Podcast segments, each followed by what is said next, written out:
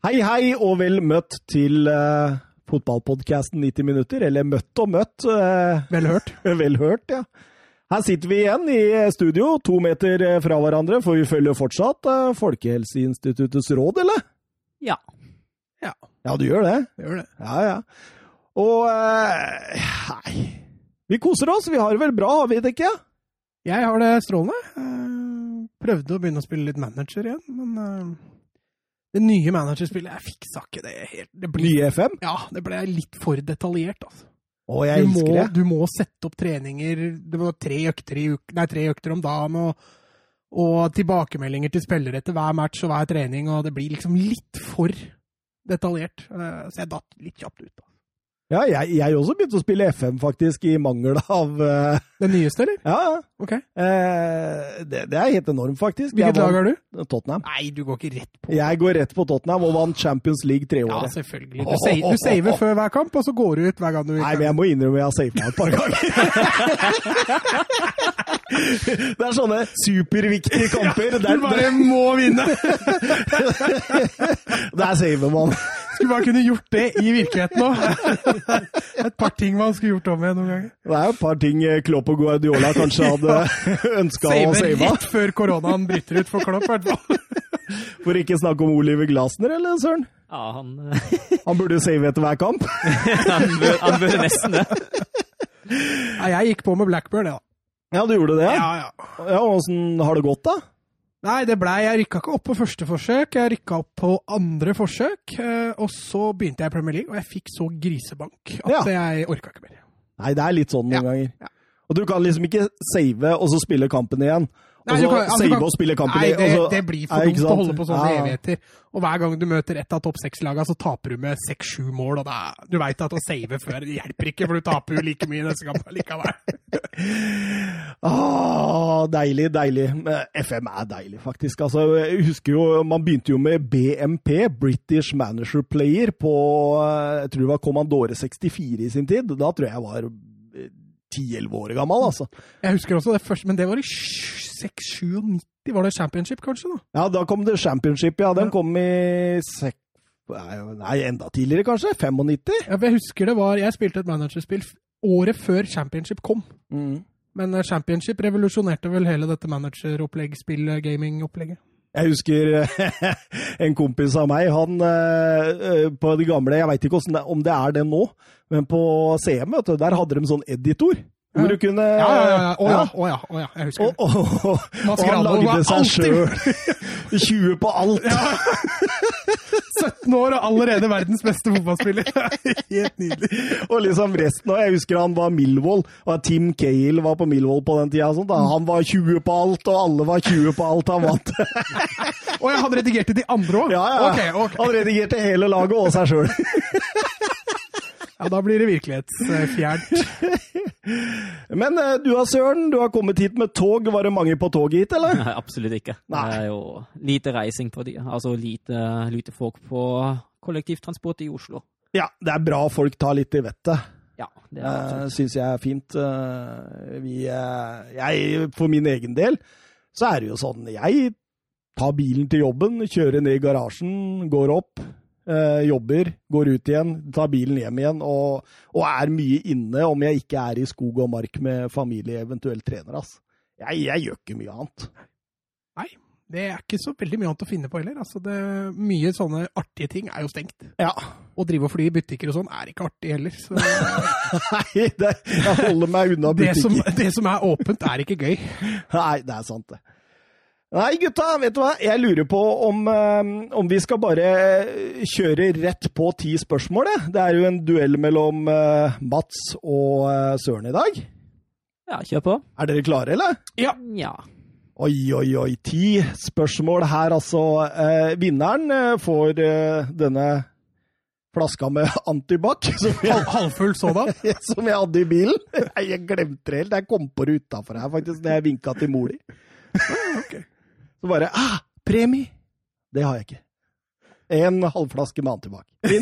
Men, men, det trenger vi jo i disse dager, da! Tenk Søren kan kose seg med antibac på toget tilbake igjen! Så du, han vinner? Eh, ja, du, du tror det. nei da, nei da. Eh, OK, vi er klare. Spørsmål nummer én. Mats! Ja. Hagi. Jeg, tror vi begynner på nytt. igjen. Spørsmål nummer én. Hvor mange stadion, stadioner ble benyttet i VM i 94?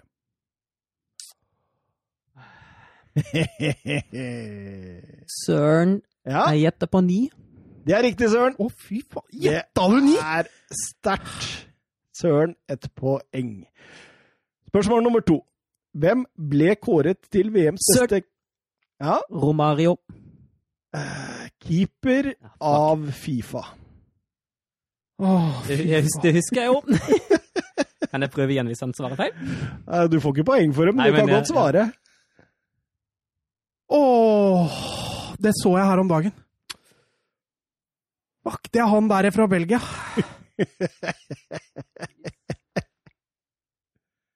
Ah, to sek hvor, hvor lang tid har jeg på meg? Eh, Nei, nå må du svare snart. Prodom! Prodom! Ah, Så du den?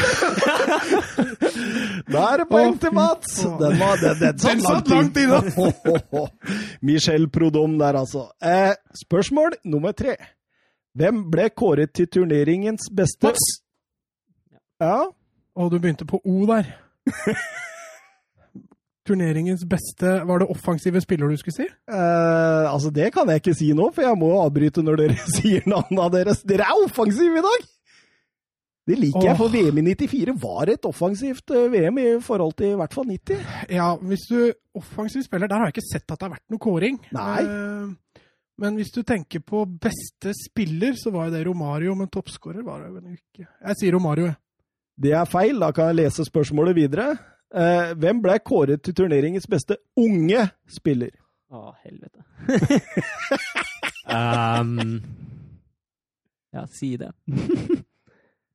Nei, den leser jeg selvfølgelig ikke. Jeg kan tippe en gang til hvis han tar, ikke klarer det. Nei, du Men jeg- ikke da- Jo, jo, det gjør jeg.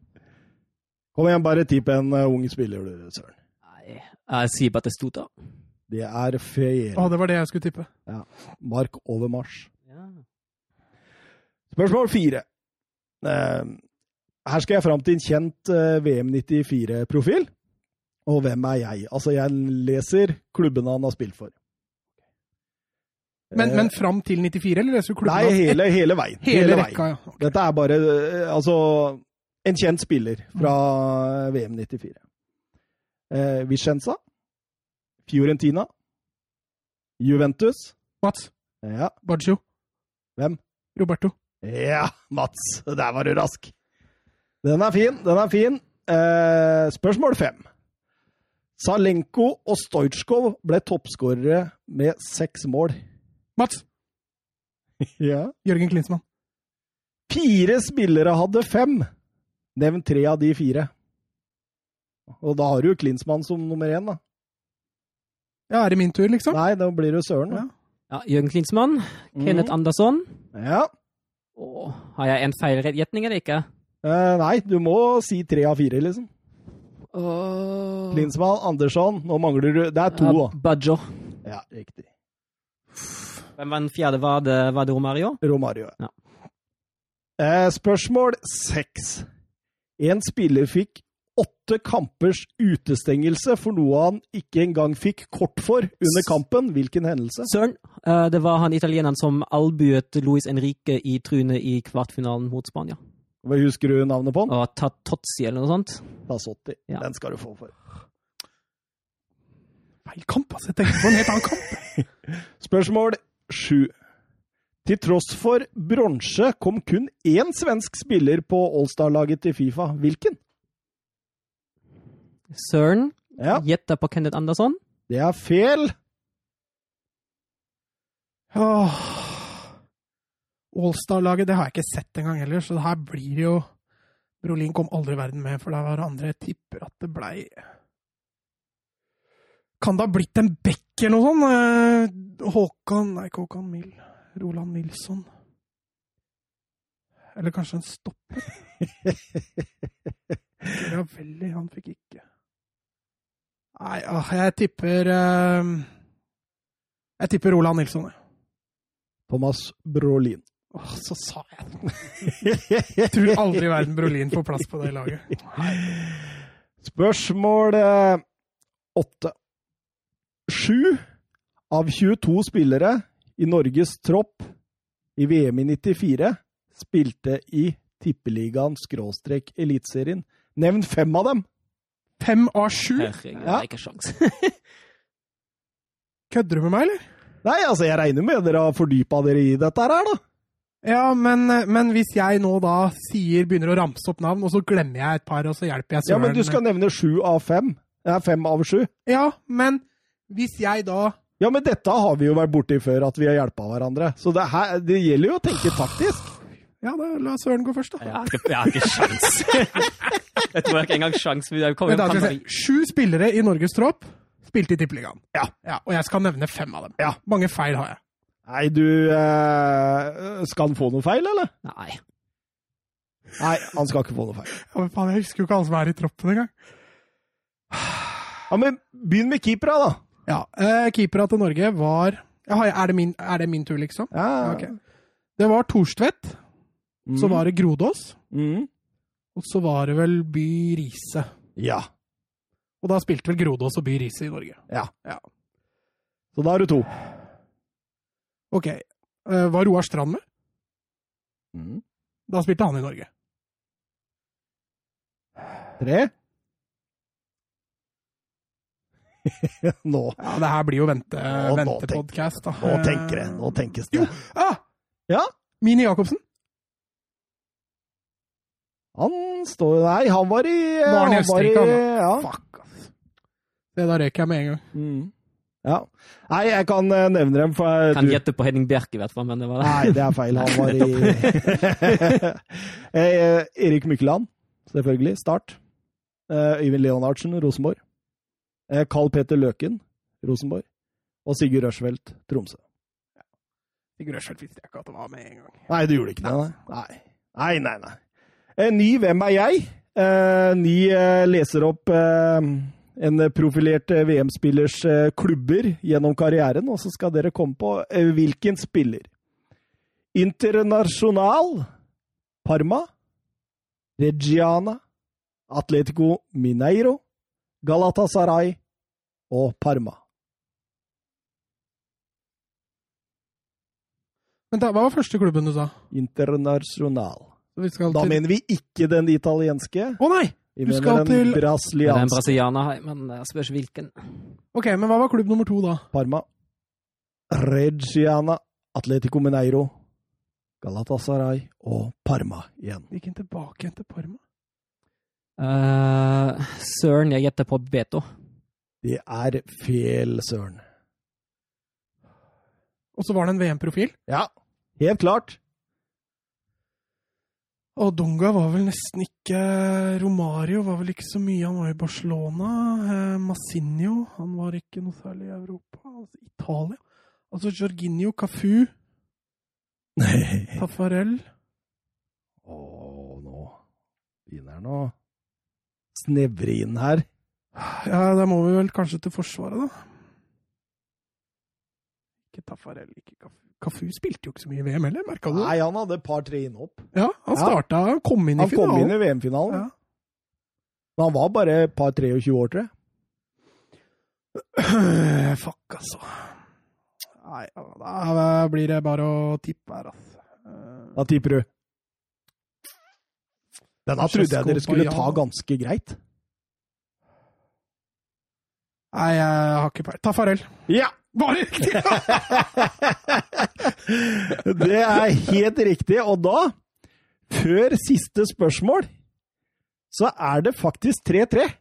Og så er det ett spørsmål igjen. Ja. Oh. Oi, oi, oi. Så det, jeg får ikke behov for uh, mine ekstraspørsmål jo, her. hvis ser jeg. ingen svarer. Ja, hvis ingen svarer. Ja, det er helt riktig. Helt riktig. Spørsmål nummer ti. Vi snakket jo om en eh, kjent spytteepisode mellom Rijkaard og Føller i 90. Men det var også en kjent en i 94. Hvem spyttet, og hva var bakgrunnen? En spytteepisode? Ja, Det har jeg ikke fått med meg i det hele tatt. Nei, ikke heller. Nei, så jeg er blank, så jeg må Ja, holde på på jeg, jeg, jeg, kan, jeg kan tippe, da. Du kan gjerne tippe, ja. Å, men du skal ha bakgrunn nå? Ja, og Ja, For blir hvorfor han spytta, ja. Å ja, ja, han var vel tørr i munnen. Eh, nei, vi må nok ikke til Nederland. De lærte vel uh, Vi må kanskje til sånn dritt... Uh... nei, jeg har ikke peiling. Det, Det eneste jeg har fått med meg, er den uh, fingeren til Effenberg. Etter Ja, ja, ja, fingeren til Effenberg. Nei, altså, det var uh, i straffesparkkonkurransen mellom Romania og Sverige, hvor uh, Ili Dometrescu spytta på Rava, Ravelli etter at han skårte på straffa si. Det var eh, en slags takk for sist, for at Ravelli beskyldte han for skuespill underveis i kampen. Ja. Eh, da må jeg over på ekstraspørsmåla mine, da. Ja. Jeg har to, heldigvis, da. Ja, så bra. Håper vi tar én hver, da, søren, så blir det likt her òg. ja, men vi, vi, det er, det, nå er det golden goal. Å ja, ok. Ja, ja. Førstemann. Ja. det, det er ikke ekstraomganger, altså. Nei, det er golden goal. Eh, hvorfor blei dommer Kurt Rotlisberger sendt hjem? Eh, Mats, da? Ja. Han, han dømte elendig. ja, det kan du si. Søren, han ga 13 minutter tilleggstid i Bolivia mot uh, Sør-Korea. Han eh, overså en klar straffe til Belgia mot Tyskland i Det var åttendedelsfinalen. ja. ja. Mm. Ja, Så da fikk jeg riktig. Han var favoritten til å dømme VM-finalen på dette tidspunktet. Ja, men jeg fikk rett på den, da, eller? Altså, du gjorde ikke det? Hæ? Han dømte jo elendig! Ja, da, da får vi håpe spørsmålet Ekstra spørsmål nummer to holder her, altså. Hvem dømte VM-finalen? Kan jeg si, Holder vi med nasjonalitet? Ja, det, han var jo veldig kjent, for han var jo en av de som Han dømte blant annet en av Norge sine i eh, gruppespillet. Jeg kan nasjonaliteten på han. Jeg veit at den var sånn og sånn. Men det, var... Hvilken nasjonalitet var det? Da hjelper jo deg. Ja, jeg kan ikke noe dommere. Har dere ikke fått med dere dette, altså? Nei, jeg pugga pugger alt, ikke dommernavn. Dette er her er Men, men, Men jeg kan si hvilken arena. Vi kan nå, si hvilken Jeg kan- arena. Arena kan jeg også. òg. Nå kan vi begynne å gå over til altså For dette må avgjøres, og da, da snart så holder det med nasjonalitet, altså. Ja, skal jeg si nasjonaliteten, da? Veit du nasjonaliteten? Ja, det vet Jeg har sagt Mats, ikke sant? Ja, nasjonaliteten. Men det, du sa jo ikke at det var OK ennå. Men eh, Ja, men Ja, jeg veit vet det. Det er enten, enten, eh, enten han derre kløna fra, fra England, eller så er det han fra Ungarn. Jeg må tippe eh, Ungarn. ja, det er den ungarske. hva- vet dere, vet men, dere veit ikke hva han Nei, heter? Nei. ikke. Nei, vent, da! Nei, vent, vent, vent! vent. Han het et eller annet sånn sånn Dår? Nei. Sandor? Nei. Var det, var det riktig? Ja, Sandor! Var det Sandor? Sandor! Sandor! Etternavn! Nei, jeg har ikke peiling. Sandor Pol! Sandor, er ikke det etternavnet? Nei, det er fornavnet. Sandor Pol. Ja, nei, jeg har ikke peiling. Eh, Det var det. Var det Den skal du få for. Skal jeg få for den? Ja, fordi jeg jeg jeg fått har gått tom, tom for spørsmål. Men hadde jeg fått for Ungarn nå? Eh, nei, jeg tror ikke det. Men jeg klarte det Da ville jeg prøvd å finne et eller annet annet rart her, tror jeg. Men eh, du skal få faktisk for den, for vi må jo få avgjort det, og det var jo så jæklig Ja, men Det var på tide at jeg klarte å vinne igjen, altså. Det var Det det. er jo 40 år siden jeg har vunnet noe. Men jeg trodde aldri det skulle bli så jevnt, og jeg trodde det, dere skulle være på ballen på et par andre ting her. altså. Ja, men du gikk litt i Det blir litt for eh, Litt for Ja, spesielt. men, men jeg, jeg, kan, jeg kan jo ikke si hvem er verre, hvem ble kåra til turneringens beste spiller. For da, Hvorfor ikke? Det, det, det er så lett, da. Ja, ja, men da får Det, vi altså, da, da. Da sitter jo folk og ler av oss. Her må vi jo Vi må jo grave litt. Men de ler ikke av oss når vi, du da stiller spørsmål om vi ikke kan det. Ja, men da, da ler de av deg og Søren, og ikke av meg. Det er greit! Eh, vet du, hva var det jeg Jeg får da quiz i VM i 2002, jeg. Lett. Oi, oi. Hvor mange tilskuere var det på plass? Du, Hva er det du klager for nå når du vinner? Du må være fornøyd. Det er første gang Ja, siden vi starta podkasten. Oi, oi, oi! ja, det er greit. En flaske med antibac til deg, selv om Søren trenger den mest siden han tar kollektivet fram og tilbake her. Han kan få låne den. Tar du den med tilbake igjen neste år. Vi kjører i gang eh, intro.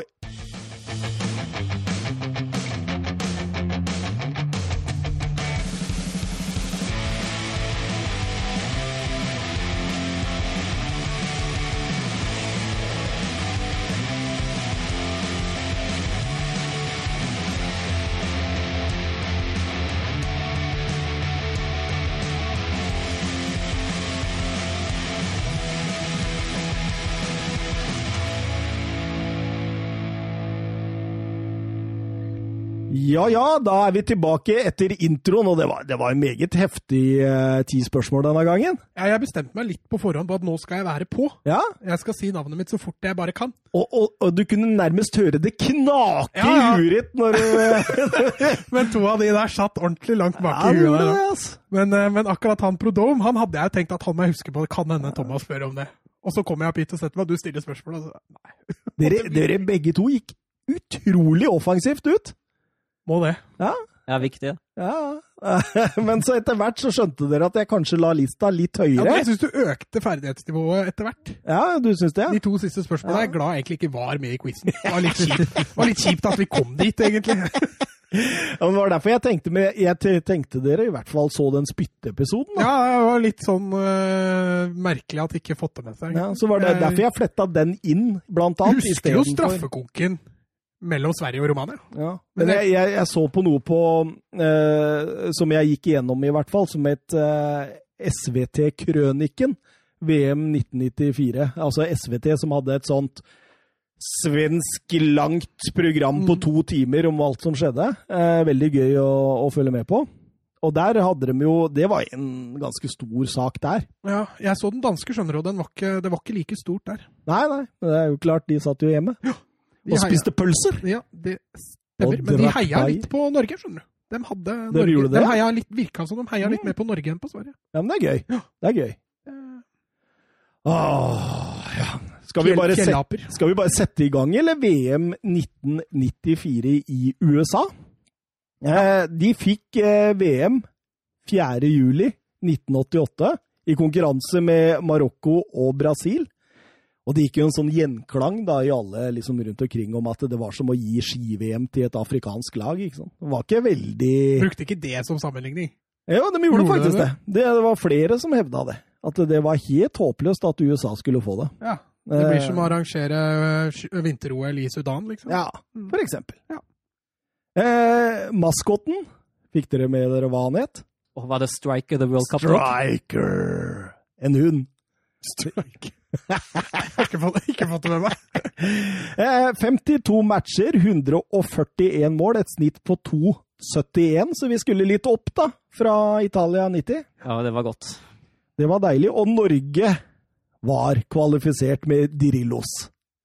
Ja, ehm, dette var jo det første mesterskapet jeg husker, så jeg må jo si at det var veldig nostalgisk. Ikke nødvendigvis bare fordi Norge var med, men eh, bare det å se igjen gamle bilder som jeg ikke har hatt lange, langt framme i huet før, da, så gjorde at det blei eh, Det var stas altså, å sitte og se et par av de kampene spillere igjen. Søppelsekker og Husker du det, eller? Nei. Nei, De trente jo med søppelsekker vet du, for oh, ja, å bli Norge, vant ja. til varmen. Ja, ja, ja, ja stemmer det. Mm -hmm. Da spørs det Ja, det det er, det er litt usikkert åssen effekt det ga, tror jeg. Ja, det, det starta bra, i hvert fall. Det gjorde jo det. Eh, nå skal vi rett og slett bare ta gruppene litt sånn fra A til eh, F. Eh, ikke, ikke U. Ikke U. Eh, og så kjører vi gjennom gruppespillet, og så går vi litt mer inn på matcha i utslagsrundene. Mm. Eh, og gruppe A, Søren, der var det jo Romania, Sveits, eh, Colombia og USA. Ja, og den største overraskelsen kom jo Eller en av de største overraskelsene i gruppespillet kom jo kanskje da, i det Colombia røyk ut. Det var jo selveste Pelé som hadde deklarert dem til en eh, hemmelig favoritt. Men så klarte de til tross for en uh, meget god spillerstall egentlig aldri å innfri de forventningene som ble stilt mot dem. Aftenposten òg hadde de på tredjeplass når de tippa hvordan eh, VM i 94 skulle, skulle ende til slutt. Eh, eh, Ganske stor favoritt til å egentlig ta seg videre fra den gruppa, gruppa A her. Ja, det var ikke noe dødens gruppe i utgangspunktet. Eh, USA var, vel, var jo bare en outsider i den gruppa, og, og Sveits ikke minst var jo en outsider, så det var, eh, var kanskje Colombia som var den største favoritten i den gruppa på forhånd. Og så skulle det være da en kamp tror jeg, mellom Romania og USA om hvem som skulle, skulle ta sisteplassen, men, men sånn gikk det ikke. Altså, Carlos Valderrama bak Freddy Rincon, eh, Adolfo Valencia på, som da spilte for Bayern München, og oh, ikke minst Faustino. Aspria. Det, er- det var jo et eh, bra fotballag, og, og eh, jeg husker liksom at det, det endte jo med et sånn gedigen mageplask, liksom. Det var jo eh, tidvis bra i den siste gruppespillskampen mot Sveits, da de vant 2-0. Da slapp de skuldra litt ned.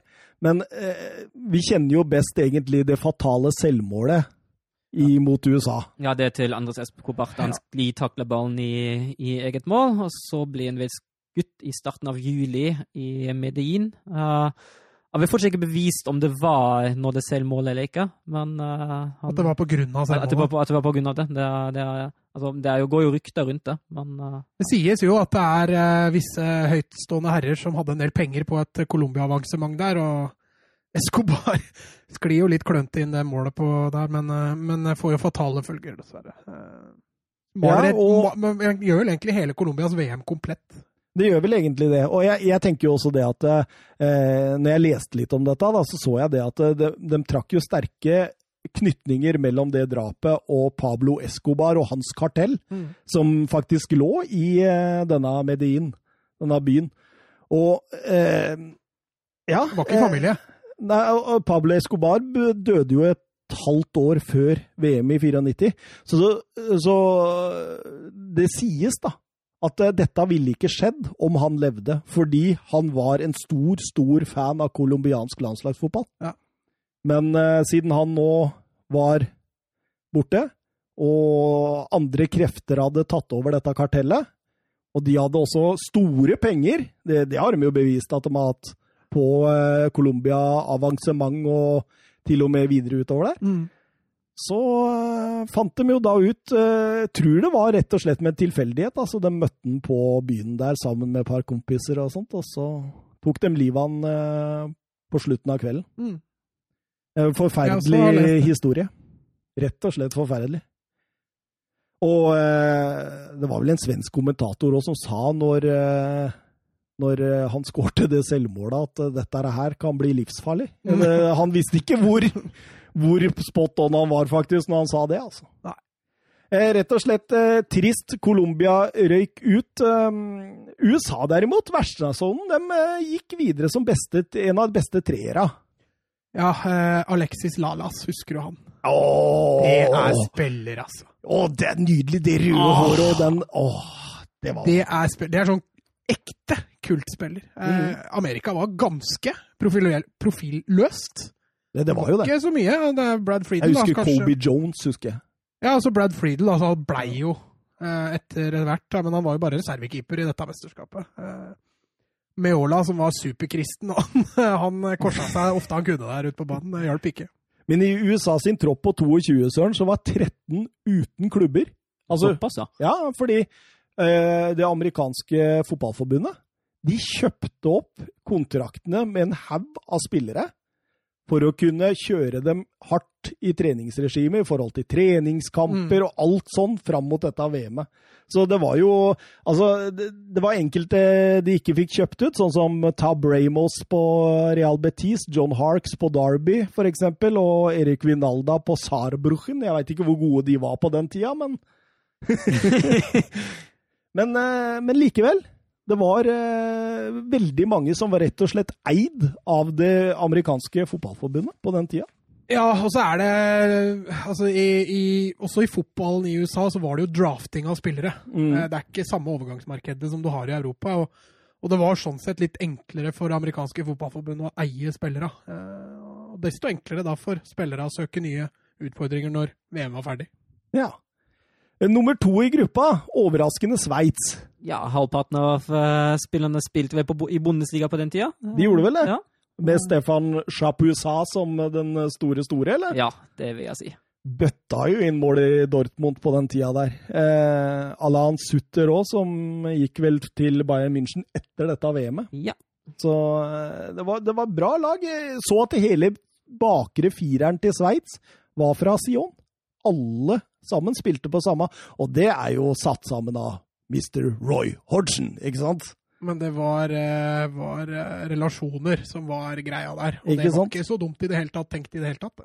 Nei, absolutt ikke. Åpna jo med 1-1 mot USA der. Eh, kjørte jo over Romania i kamp nummer to. Fullstendig, egentlig. Og blir jo rundspilt da i siste gruppespillskamp egentlig mot eh, Colombia, men da var de allerede klare, og Colombia var vel egentlig ute av det. Ja, de hadde ekstremt små kun teoretiske sjanser for å gå videre. og Det var jo nesten umulig å gå videre med tre poeng i, i VM. Så er det en liten fun fact i den gruppa. Den eh, første kamp mellom USA og Sveits, den som blir spilt i Pontiac på Silverdome, det er den første innendørs VM-kamp noensinne. Ja. Ja. ja men den er, den er fin, Søren. Den er, den er god. Han uh, imponerer nå. Den er fin, Søren. Eh, Romania, da, som vant gruppa, eh, det var overraskende. Det var ikke mange som tenkte at Romania skulle stikke av med gruppeseierne i denne gruppa her. Nei, de var jo som sagt i stad en av outsiderne, men Romania skulle vise seg å få et eh, meget godt mesterskap, eh, ført an av en genial, fantastisk Georgi Hagi. Eh, det, en spillemann liksom litt glemmer hvor god han egentlig har vært. Og det, det VM-et her var han altså litt sånn Jeg trekker litt paralleller mot Maradona. Ikke samme spilletype, men måten han bærer laget framover, da. ble det ikke kalt Balkans Maradona? Jo, jo, han blei det. Og han var, han var, det mesterskapet her var han fantastisk. Altså. Det, tre, det målet i 3-1-seieren mot Colombia Ja. der. Ja, det langskuddmålet. Ja. Å, herregud. Det passer jo perfekt. Men jeg har ikke funnet noe, noe VMs beste mål. Har dere sett det? eller? Nei, det, Nei, det fant jeg noen ikke. kåringer Altså, han, eh, han som ofte blir betegnet på det sånn i etterkant, det er jo han eh, Saeed El Oveiran fra Saudi-Arabia. Det er mot Belgia, men det blir ikke kåret noe offisielt. Det er et vilt raid. Ja. Og så i Saudi-Arabia, liksom! Men eh, så er vi jo litt inne på også det med Romania der. De fikk jo eh, juling av Sveits eh, 4-1 eh, i den andre gruppespillskampen, og da var det jo han eh, Kåla som kom inn etter 70 der og fikk rødt etter 74. Ja. Eh, på takling på Aurel der. Jævla dojo. Men eh, i og for seg et eh, bra de, de, de, altså, du, du kan jo si at de overbeviste jo ikke voldsomt i gruppa ennå. De vokste jo litt utover Romania. Ja, De gjorde det. det er klart, eh, de var jo på ingen måte eh, noen, noen favoritter, og det er mulig de dro litt nytte av at de blei litt undervurdert. altså. Viktig den siste seieren der, 1-0, Dan Pretescu. Vi husker jo han fra Chelsea-tida. Yes. Han spilte jo sammen med LeBeuf og Di Matteo og Flo, og det var før Abramovic-perioden, dette. Dennis Wise. Dennis Wise, ikke minst, og Vialli. Nydelig, nydelig. Nei, vi går over til gruppe B. Og i den gruppa, der finner vi blant annet Brasil. Hæ? Med Ja. en 17 år gammel El Fenomeno på, eh, i tropp, i hvert fall. Ja, og en Romario på, på karrierens høydepunkt, hvis Det vi kan kan si det sånn. Han altså, da, hvis vi trekker fram Hagi, så må vi i hvert fall trekke fram Romario, for, eh, for et mesterskap han hadde. altså. Han ble jo også offisielt kåra til Ja, Mesterskapets beste spiller. Eh, eh, utenom Brasil der, så hadde vi Sverige, vi hadde Russland, og vi hadde Kamerun. Kamerun, ja. Kamerun som overraska Som egentlig var overraskelsen i 90-VM. Ja, og som folk hadde jo litt forhåpninger eh, til for å Og, og Roger Milla. Ja, han var jo på Han var jo plass, han. med. 42. Ja, altså, han, De trodde han var 38 i 90, så da skulle man jo tro at han var 42 i, i 94. Men det kan godt hende han var 77. Det kan, gå- kan også hende han var 35, faktisk. Ja, det, det, han, blir, han ble i hvert fall offisielt uh, VMs eldste målskårer gjennom tidene. I den kamp mot Russland, da. Den siste gruppespillskampen der de får ordentlig juling. Kanskje det, det lyspunktet Kamerun hadde i det mesterskapet. ja, stemmer det. Der, der blir han jo historisk, rett og slett. Altså, Eh. Lyspunktet er kanskje mot Sverige. Da får Ja, de jo det de- ene poenget, ja. da, sånn at de ikke går poengløse ut av VM. lyspunktet i en 6-1-tap. Det, det. Men, men de hadde jo beholdt en del av stammen fra 90, og så hadde de noen tilvekster. En 17 år gammel Rigobert Song, blant annet. Som ble utvist mot Brasil. Ja, og en 19 år gammel Mark Vivian Foe, som eh, vi husker jo fra City-tida, blant annet. Eh, falt jo om i semifinalen i Confederations Cup i 2003 og døde. Eh, veldig, veldig trist akkurat det med han. Eh, derfor får vi også aldri se en spiller i Manchester City med drakt nummer 23 igjen, for den blei freda. Ja. Eh, ja. Roger Milla, det var jo egentlig litt eh, beholdningen fra Kamerun, egentlig. Han fikk jo ikke spille så mye i dette mesterskapet, som bare endte opp med, med tre kamper. Så, men eh, som Søren sier, et, et høydepunkt at han Ja, altså, altså like, altså de, de spiller et dårlig mesterskap. De ligger under 3-0 mot Russland, og han skårer da rett etter pausen. Og så går han og feirer i, i sin vante måte og bare danser med hjørneflagget. Om det, om det det- sånn Det gjorde han der mot Sverige òg. Han øh, ene unggutten. Han Ja. løp også til cornerflagget. Var det det du snakka om? Nei, det var ikke det han snakka om. Roger Roger Milla. Milla. Roger Milla, ja. Ikke en unggutt, Mats. Nei, det var, det var han derre David Embe. Ja, ja. Han løp også bort og dansa den Roger Ja, Milla-dansen på hjørneflagget. Han skapte en trend, rett og slett. Han gjorde det. Jeg, jeg flira litt av Milla, og han sa det at uh, Angrer på at de ikke vi, vi, ja, men vi, vi husker jo det at, uh, at presidenten redda spillet for ham i VM i 90. I 94 så var det befolkningen. Fordi uh, altså, treneren ville ikke ha han med, egentlig. Han var for gammel, ikke sant, og, sånt. Men så skal jeg si Emilia, at befolkningen i Kamerun pushet meg eh, til å få blitt med i 94. Jeg trodde De trodde jeg var den eneste som kunne skåre mål for eh, landet. På den tida spilte jeg for, i kamerunsk serie. Jeg var fit og klar, hadde selvtillit, så jeg tenkte hvorfor ikke bli med i et nytt mesterskap? Ja. Han er nydelig, da. Han er nydelig. Eh, blei da eh, historiens eh, eldste spiller i eh, VM. Eh, blitt slått i seinere tid av to keepere, så vidt jeg veit. Husker du kallenavnet hans? Jeg, jeg tror jeg har navnet på keepere. Jeg, Nei, jeg tenker kallenavnet på Roger Milla. Ja, det, det løfet. Er det? Gamle løve. Old, Old Lion, eller Gamle Løve. Eh, Hva var den ene keeperen som slo en veldig det Farid Mondragon i Colombia? Er Helt riktig, han var 43 år gammel. Og så i 2018 så, så kom Hesam al-Haidari. Han var 45 år og spilte for eh, Egypt. Eh, Men han er eh, VM-historiens eldste utespiller og VM-historiens eh, eldste målskårer. Så han har jo satt sine steg på himmelen, VM-himmelen. Eh, men eh, Mats, Russland fikk jo VMs toppskårer, da! Ja. Du, når du apropos å se, se det positive i det, eh, så gjorde de jo det. Men de imponerte jo ikke noe sånn voldsomt. Sleit jo i Sleit fikk jo en tung start, da møtte egentlig turneringas klart beste lag eh, til å begynne med der, og sånn sett starta, starta litt dårlig. Eh, Salenko, det var han du tenkte på? Ja, han skåret jo fem, han. Han gjorde det. Han starta jo også i likhet med Skilacci fra 95, nei, 90-VM, så starta altså han stort sett på benken. Han spilte seg litt inn i det.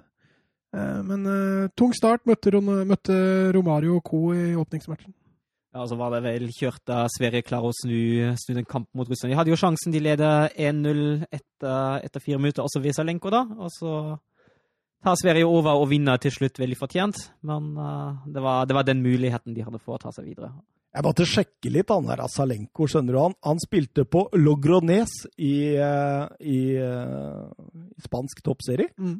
Eh, så ut, i, i, i hvert fall ifølge Stats og Logrones sine på en måte eh, tabellplasseringer, da, at han var en av de som liksom holdt dem oppe hele tiden. Mm. Og etter VM så blei han jo solgt til eh, Valencia. Da rykka Logrones direkte ned første sesong Eh, fikk eh, kun én sesong på Mestalla før eh, ferden gikk videre til Glasgow Rangers. Eh, videre til Isbul Danspor og eh, Cordoba og Pogon før han la opp. Så det, det gikk nedenom og hjemmen, rett og slett, etter VM. Ja, VM var høydepunktet. Det var nok høydepunktet hans. Og han er fram til denne dagen den eneste spilleren som har klart å skåre fem mål i en VM-kamp. Ja, og det tror jeg kommer til å stå en liten stund nå. Mm. Men Brasil, da. De eh, kjempet jo med Sverige om eh, førsteplassen, og tok den forholdsvis greit til slutt. Eh, få problemer med å ta seg videre fra gruppa, og eh, det var jo et lag. Romario, Bebeto, Leonardo, ikke minst, eh, som fikk det røde kortet også ut i Var det kvartfinalen, Ja. eller var det Ja. Og så Masinho, da. Faren Ja. til eh, Tiago Rafinha Alcantara. Ja, ja, ja. Og Rai, som eh, jeg fant ut var broren til Sokrates. Så det er jo eh, Og Cafu, som fikk sin eh, VM-debut. Ja, Skulle jo bli en stor landslagsspiller for Brasil. ja, og har vel fortsatt, tror jeg, rekorden på at det er han som har spilt flest VM-finaler. Han har spilt tre VM-finaler, Cafu. Ja, han fikk jo både 94, 98 og 2002. Mm. Og jeg tror han var med i troppen i 2006 også, men der røyk de ut i kvarten, tror jeg. Mm. Pelé har vel spilt tre, han òg, tror jeg. Har han det? Ja, han har spilt 58 Nei, 5 Nei, kanskje ikke. Nei, jeg tror han, han spilte nei, to, han. Nei, 60, ja, 60 og 70. ja, det det spilte han ikke Jo, han spilte i 58 år, tror jeg. Han, han ble med i 58, tror jeg. Jeg, jeg vet ikke om han spilte, men han var med i troppen i hvert fall. Jeg kan hende at det stemmer at Kafu bare at han er eneste. Ja, Nei, jeg, jeg jeg, har i altså. hvert fall lest at uh, Ja, det kan godt stemme, det. hadde- var den uh, Men uh, jeg syns jo den beste på Brasil var Mauro Silva, da. Ja, sentralt på midten. Ja, ja, Deportivo-spilleren der. Han styrte mye, altså. Han og Dunga på midten, var, det var mye av hjertet. Det var mye av hjertet, altså. Eh, veldig, veldig bra. Og så trener, da. Carlos Alberto Pereira. Han eh, kjenner vi jo igjen. Han har jo trent Brasil 14 ganger eller noe sånt nå. Han har vært litt inn og ut. Han har vært litt inn og ut, det er ingen tvil om. Eh, ja, kontrollert 2-0-seier mot Russland i første. Enda mer kontrollert 3-0-seier mot Kamerun i neste. Og da var det rein gruppefinale mot uh, Sverige i den siste. Kenneth Andersson som gir uh, Sverige ledelsen der etter 24 minutter, Ja, etter litt var- Brolin-magi. Å, fy fader, for et pent mål. Ja, Altså var- Først forarbeidet til Brolin, og så den avslutninga til Andersson etterpå. Og feiringa til Andersson, da. Ja. Den er legendarisk. Ja, den- Han er i USA. Da feirer du med field goal. ja, det er nydelig. Det er helt nydelig. perfekt. Men, men, så, men så tenker jeg også det at det, det målet til Romario der til 1-1 der Se på den touchen, når han bare stikker den ut og Ja, forlenger. tupper den inn i lekstehjørnet. Måten- Fantastisk. Men du ser også når han setter fart på, det drivet. Mm. Han har ikke den superakselerasjonen, Nei. men den der han bruker fire-fem meter på å få opp farta, og da er det no stopping him. altså. På Sverige, de var ikke noe rundingsbøy i denne. Nei, er du gæren, de yppa seg, spesielt i første omgang. Jeg må jo si Brasil dominerte andre omgang ganske mye, men uh, Sverige kunne fort ha fått tre poeng i den kampen her. Altså.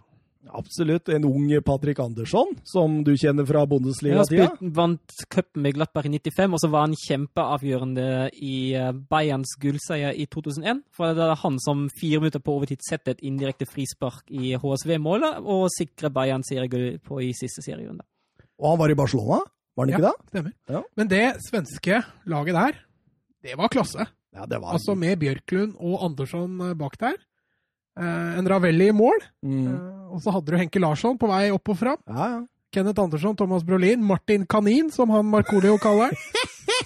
Eh, og Stefan Schwartz, som fikk rødt kort mot slutten der, riktignok. Jonas Tern, som Ja, kosa seg i Napoli. Og en ung Jesper Blomkvist, Ja, ja. som også fikk Og en rutinert Anders Limpar og Håkan Mild. Og på et tidspunkt så spilte de med Ren og Mill sentralt på midtbanen. Og det var en såpe i Norge på den tida som het Ren og Mild. Ja. Så der var det mye som glei gjennom. Er det det? Det blei i hvert fall rent. Vi går videre til gruppe C. Og i gruppe C, Søren, der har vi ditt kjære Dimanschaft. Ja, regjerende verdensmester, Uh, som for øvrig var det første den første regjerende verdensmesteren som vant, en, som vant åpningskampen sin i VM, eh, etter at Fifa innførte det med åpningskamp av de regjerende mestere i 1974. Uh, Riktignok veldig humpete. Det var ikke en god, eh, en god, et godt gruppespill av Tyskland i det hele tatt. Var vel eh, på forhånd betegna som ganske store favoritter, blant annet. Eh, Men, men også på den tida her så var jo regjerende mester automatisk med i neste VM. Ja. Mm. Det blei først avskaffa i 2002, var det det? Ja, det må det ha vært. Så Tyskland slapp jo å spille noe kvalik og greier. Så du, Både arrangørlandet, det er jo naturligvis fortsatt med Veldig mye av stammen som vant eh, VM i 90. Ja, veldig mye. Men uh, med unntak av Jørgen Klinsmann var egentlig alle dårligere. Det var egentlig bare Klinsmann som, var, som spilte et bedre VM i 94 Og enn han i var 1990. god han var virkelig god, altså. Ja, han var men, og jeg syns ikke han var så god i 1990.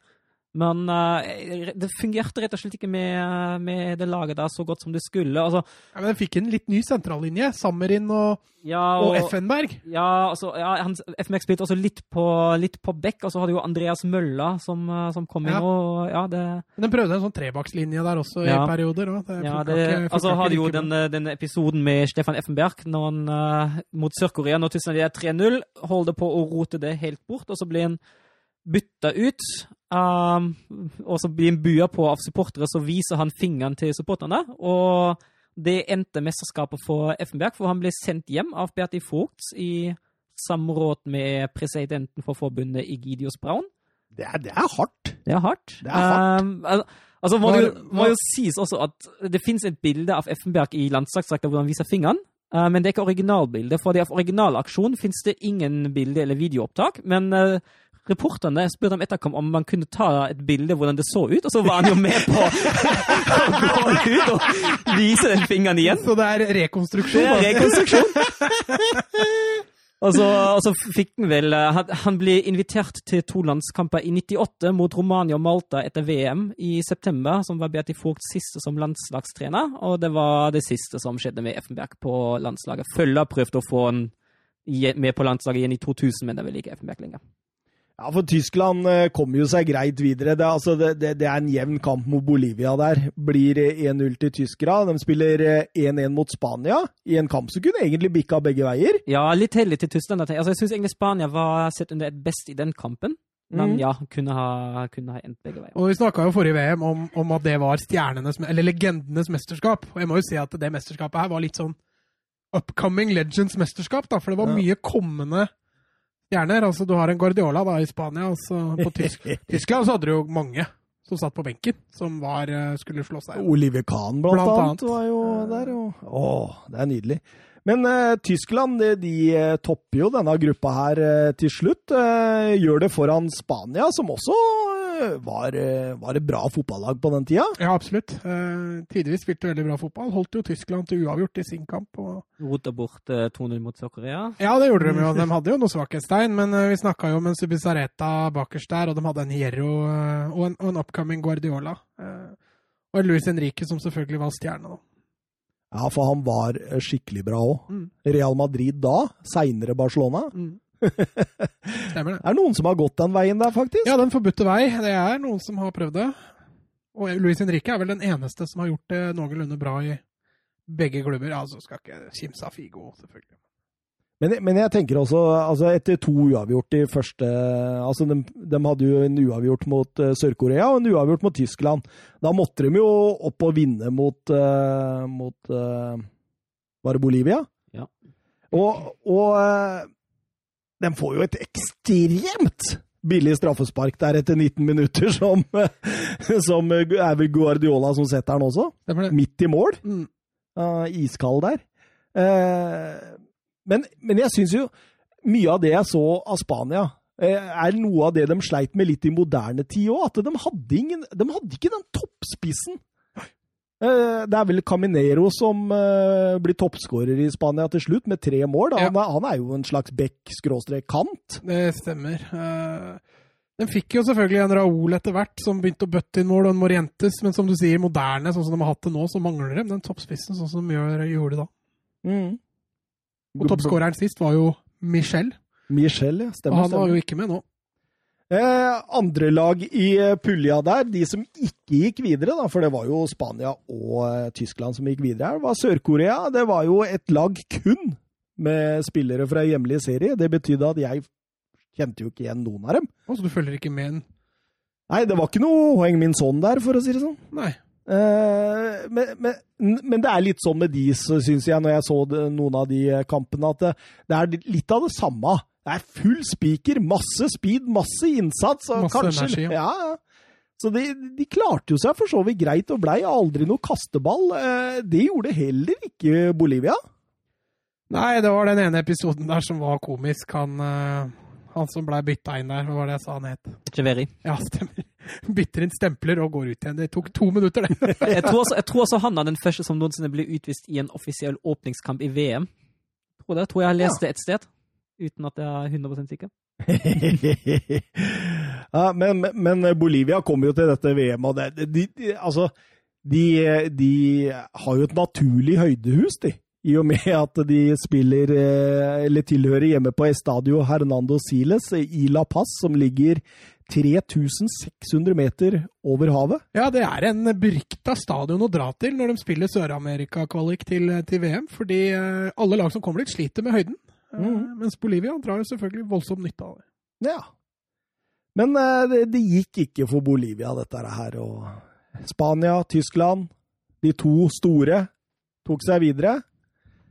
Og vi går over til gruppe D. Og i gruppe D så har vi jo Argentina med Diego Armando Maradona. Ja, skulle vise seg å bli det siste han gjorde, det. Ja, han ble reaktivert etter en forferdelig kvalik for, for Argentina sin del. De slet, og så måtte de vel spille to playoff-kamper mot Australia. Og da kom tilbake og bidro mye til at laget tok seg videre til VM i det hele tatt. Mm. Men det, det, dette her var jo Altså, vi snakka om finalelaget i 90 som spilte destruktivt, kjedelig, spilte på straffesparkkonkurranser hele veien. Eh, dette her var jo et helt annet Argentina. Ja, altså hadde du Du hadde liksom et par upcoming. altså Du hadde en Fernando Redondo, du hadde en Gabriel Batistota, og så hadde vi en Caniggia, da, som vi skrøt av etter forrige VM. så I tillegg til Maradona, så hadde de, de hadde mye offensivt bra, da. Uh, og så var det jo noen lovende Diego Simione som satt på midten der og skulle prøve å styre dette. Og Goicochea, han mista plassen sin. Ja, han gjorde det, men, men, men, men, var det helt uh, lurt, tenker jeg på, når du så hva han uh, Silas, var det det han het? Som, Islas. Islas ja, som hva han dreiv med. drømmeåpning da, mot Hellas for Argentina i gruppe D. 4-0, Batistota hat trick og Diego Maradona. Og det 3-0-målet, da, det er, det er, vakkert. Det er, hadde vært uh, 20 år seinere, de snakka om Tiki Taka på sitt beste, og så hadde en nydelig avslutning i tillegg. Ja, altså, du kan, du kan rett og slett male det for målet. Og så kan du henge det opp på veggen, og så kan du bare kose deg ja, for det, Det, det, det, sånt mål er ennå litt forbi fotballgodteri igjen. Så det blir sånn fotballkunst. Ja, ja. Hvis det går an å, ja, helt riktig, det blir å kategorisere det sånn. da. Mm. Hvis du da har fotballgodteri nest øverst, og så har du fotballkunst helt øverst. Men hør den offensive slagkrafta. Da hadde de Redondo og Simione på midten der som drev og styra. Maradona rett foran de, og så Caniggia, Balbo og Batistota. Altså, du må jo spille offensivt drømmefotball med den gjengen der. Ja, og Så hadde du i tillegg en ung, lovende Ariel Ortega ja? på, på, benken.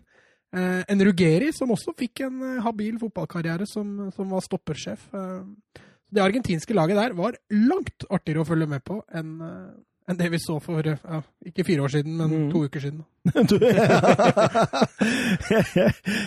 Nigeria neste, neste hinder? Ja, og det, det, gikk så vidt, da. Ja, men det var Kanija som ja, så, så, du den siste der, eller hvor han får høyekontakt med Maradona, og bare nå Og så bare legger han Altså, det, det er så deilig! Bananen der. Ja, legger han opp i hjørnet der! Det er så nydelig av Kanigia som skårer to mål og senker Nigeria, som var et veldig bra fotballag. Ja. Og Nigeria var millimeter fra å gjøre det like bra som Kamerun uh, ja. gjorde det i 4, nei, 90. Eh, etter denne matchen da, mot Nigeria så skjedde det jo noe som fikk ringvirkninger eh, dypt, dypt ned i den argentinske folkesjela. Ja, det var vel uh, godeste Dios som ble testa positivt på var det efedrin. Uh, og det er forbudt substans. Tenk det. Maradona, store stjerna, rett ut av VM, efedrin. Mm. Altså, han, blir, han, går ut av VM som spiller. Han blir som en ganske godt betalt kommentator, da. Det, det må sies. Eh, Maradona sa at they retired me from football. Uh, I don't want any revenge at all. My soul is broken. Mm. Det, det, og, og, og, det gikk en mentalitet i Argentina, vet du, at uh, win it for Diego, win it for Diego. Det var jo, det var jo ikke snakk om at du, du er en jukser. Mm. Nei, her skal vi vinne for han der som juksa. Ja. Og i ettertid så har jo Maradona hatt en del intervjuer hvor han blant annet har sagt eh, vi blei dopa alle sammen eh, med Julio Grandonas sin velsignelse. Grandonas, det var fotballpresidenten i Argentina og senere også visepresident i Fifa. Eh, eh, Grandonas eh, sitt eh, På en måte kan du kalle det entourage. Han, eh, de putta noe i kaffen deres, sa Maradona, som gjorde at de eh, løp fortere og lengre. Og Grandonas han lova at han skulle holde dopingkontrollører borte fra oss. Det klarte han ikke. Men da var det bare Maradona som ble testa? Tydeligvis. For uh, her kunne vi ha kommet over en full Hvis det Maradona sier er riktig, da. Ja. Så kunne vi ha kommet over en, uh, et fullt lag altså, som dopa seg til, i VM-sluttspill. Det hadde vært en skandale. Men her har du en fotball, eller en kultur, da, hvor det er OK å jukse seg til seier. Uh, klarer du det å lure dommeren, klarer du det å lure omgivelsene til å vinne, så er det helt greit, så mm. lenge du vinner. Ja. og derfor kan man vinne det for Diego, selv om han er en juksemaker. Men, men, men så tenker jeg også, hvis alle andre juksa seg, da, så, så alle andre tok efedrin også, Ja, det hadde ikke vært så, så var det jo Men liksom hadde det skjedd i Norge, altså Tore André Flo blitt tatt med på Ja. Altså, vi hadde ikke vunnet for Flo. Nei, vi hadde ikke det. det, de hadde tatt fullstendig avstand. Ja, og vi hadde antakeligvis lagt ned landslaget midlertidig. Ja, absolutt. Trener måtte gå, støtteapparatet måtte gå, alt måtte gå. Så det hadde jo vært sånn. Det hadde vært sånn i Tyskland òg. Ja, definitivt. Ja, ja. Eh, preget Argentina da i siste gruppespillskamp. De taper jo 2-0 mot Risto Stojkov og Bulgaria. Eh, Storskov hadde et nydelig VM. altså. ja, han hadde det. Eh, Hagi nevnte jeg i stad, bar eh, i Romania på sine skuldre, og Stojkov gjorde virkelig det med Bulgaria. Altså. Han vant jo også gullballen det året. Ja, stemmer. En veldig, veldig fin overgang til Bulgaria, som eh, spilte stort sett en eh, flat 4-4-2 med Stojkov i fri rolle eh, rundt portospissen Emil Kostadinov, og det, det, det blei jo et eventyr. Gjorde det. Det varte varte og rakk lenge, det der. Ja, det, var, det gjorde det. De uh, kom seg jo i topp fire. Altså, de kvalifiserte seg bak Sverige på bekostning av Frankrike, som jeg tror var ekstremt glad for å ha VM fire år senere i sitt eget land, for det fikk de i hvert fall delta. Som de ikke fikk i verken 90 eller i 94. De gjorde litt mer enn å delta i det. Ja, de gjorde jo det, men uh... Men de, de starter jo med rundhjuling av Nigeria. Ja. Og så blir det en enorm opptur igjen mot eh, kasteballen eh, Hellas, vil jeg kalle det. 4-0. Eh, Ja, det var vel det eneste laget som endte opp med null poeng, tror jeg. Nei, Marok Nei, Marokko Marokko. også. Marokko, stemmer det. Men, men jeg flirer altså på den der 2-0-straffa der som Rishto Sjojskov setter. Ser du han eh, han keeperen til eh, Hellas? Han holder rundt beinet til Sirakov på en sånn måte som barna gjør det. det sånn når du, når, når du Du drar dem etter deg hjemme, ja, ja. liksom. Mathilde gjorde det seinest hjemme i dag hos meg. Holdt rundt beina. og Nei, du, det var, Atsmidis, tenkte du Ja. da? Faen, du blir keeper, du. ja, du blir, du blir keeper, du. Og så var det jo Jordan Letsjkov da, som setter 3-0. Mannen med måne. ja, og 26 år gammel. på den, ti på, på den tida spiss, eh, spiss i tyske Hamburg, faktisk. Ja, han gjorde det. Ja, han spilte, i- spilte i HSV. Ja. Borinov eh, 4-0 og eh, fin seier der. Eh, 2-0, eh, som vi snakka om, mot prege prega Argentina. Og da tok jo Bulgaria seg videre. Argentina ble beste treer. Ja, de gikk videre som treer. Eh, Siste Vi snakker ikke så mye om Hellas. Eh, Det blei jo en kasteball ut av dimensjoner. Ja, VM-debutanten, både de og Nigeria, deltok jo i sitt aller første mesterskap, men det gikk atskillig bedre for Nigeria enn det gikk for Hellas. Ja, for eh, hvis vi ikke gidder å snakke om Hellas, så snakker vi gjerne litt om Nigeria. For det var De tok litt om over Afrika-entusiasmen fra Kamerun, eh. Kamerun. Ja, spilte delvis også flott fotball. Og JJ Okocha. Å, nydelig, vet du. 19 år gamle Sunday Olisei der. Angrepsduoen Amonike og Amokachi. Det var jo det var jo først og fremst det defensive man satt eh, spørsmål med Nigeria om, for det offensive, det var jo en kraftfotball og et Altså, Det fløyt. det fløyt noe voldsomt, altså. Og det er, det er nydelig å se når eh, er det er var det Amunike som står i nettet der og jubler når de skårer 1-0 der mot Bulgaria. Helt fantastisk. Eh, eh, Finidi George, for ikke nevne Ja. noe av Ajax-kanten, var jo strålende. Det, det, det, det var jo vanvittig å se på, rett og slett. Og um, når, eh, Efan Okoku, husker du han? Ja, ja, ja. Var Coven Nei, eh, Norwich Nei, og Wimbledon. Wimbledon. Wimbledon. Ja, ja. Stemmer ja. Jeg tror han er blitt trent under Drillo, ja, faktisk. Ja, det er- stemmer det. Mm. Han og John Hartson.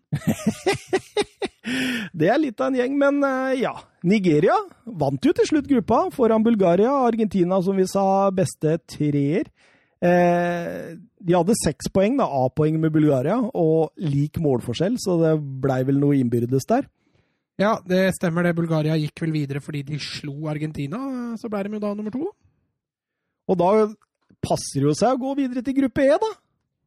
Og gruppe E, det var Drillos.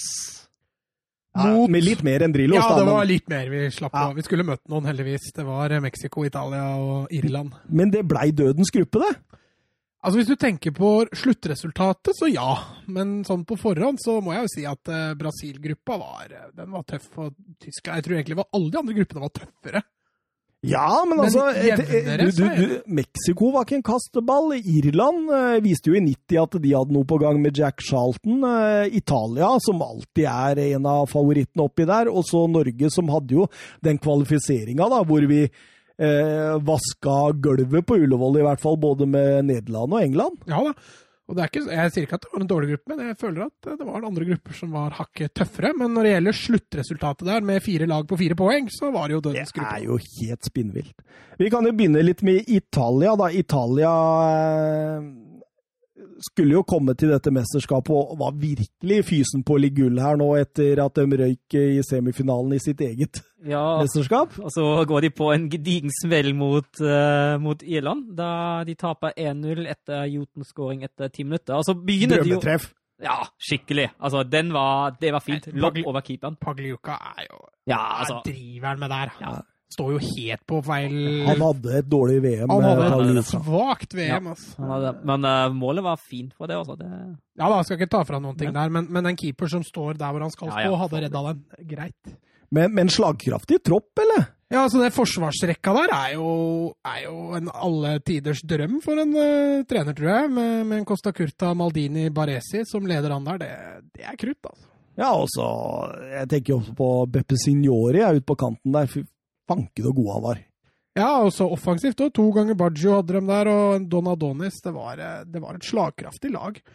Og så hadde de jo også en Antonio Conte som etter hvert skulle spille seg inn i varmen der. Ja, jeg flira når jeg så duellen mellom Guardiola og Conte der i, i kvartfinalen, der hvor eh, Conte ville ha straffespark, Ja, ja, ja. Eller var det Guardiola som ville ha det? Jeg er litt usikker. Men Conte, eh, var han like tynn i håret da? Ja, se, så du ikke det? Han. Langt hår og måne. Det var helt nydelig. Ja, men han har det jo ennå! Ja, ja. Ja men nå, nå har han jo fletta på som Rooney.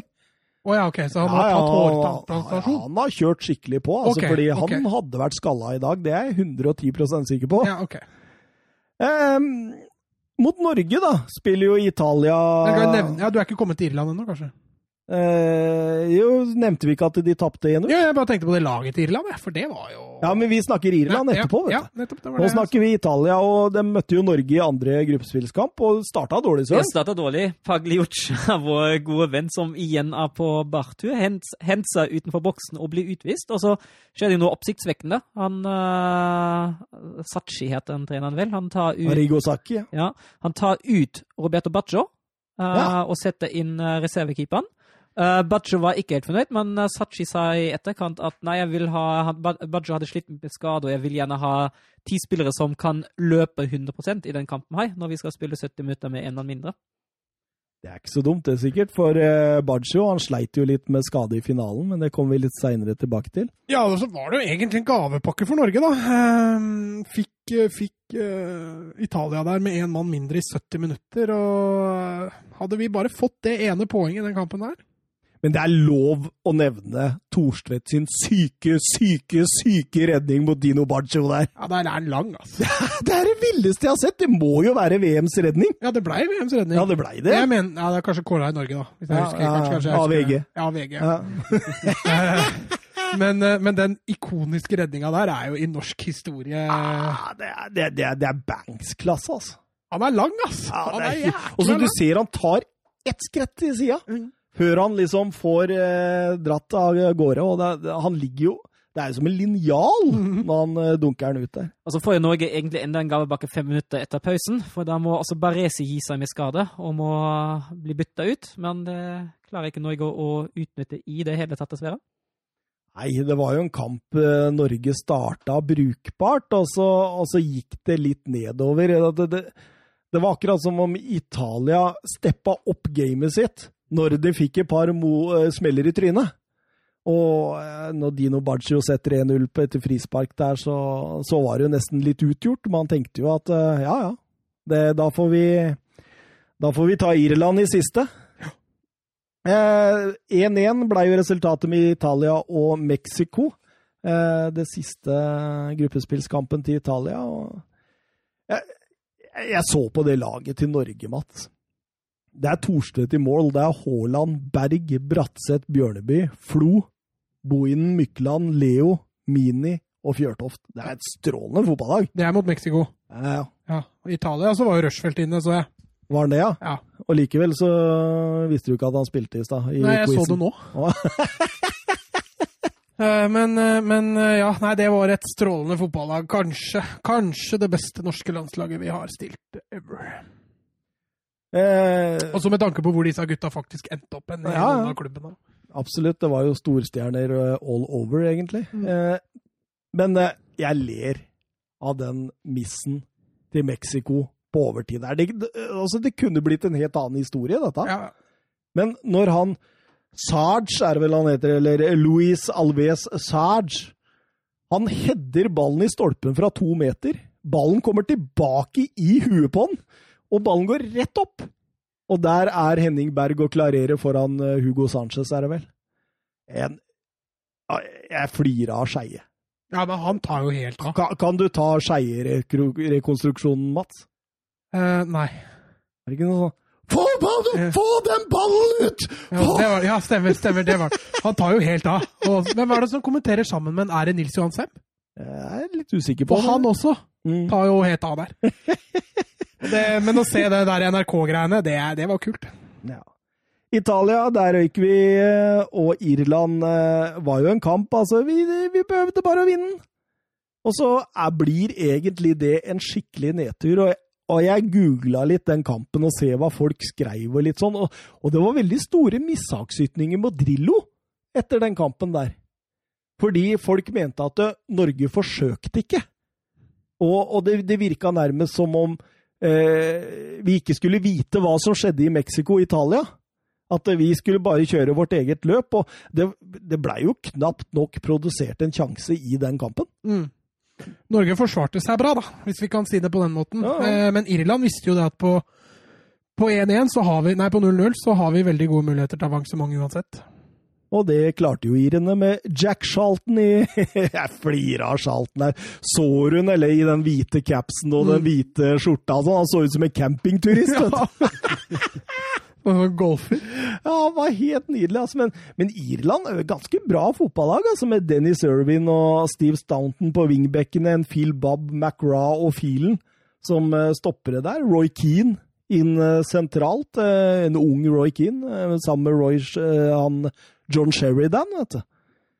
Og eh, Coyne, Cascarino, Aldrich på topp. Townsend, for ikke glemme kapteinen. Ja, han hadde jo, hadde jo en bra benk òg, med, med Jason McAteer, som etter hvert skulle få en bra karriere, og Dennis Irvin, ikke minst, satt, på, satt, satt riktignok mye på benken, og David Kelly, som var gamle Leeds uh... Gary Kelly heter han, vet du. Å ja. Mm. Det. Høyrebekken Gary Kelly. Gary Kelly. Men han spilte jo på Irland, han òg, så jeg skjønner at du drar, drar satsingene her. Så Irene hadde et jækla bra, spennende lag. Mm. Mexico? Eh, hva tenker vi om dem?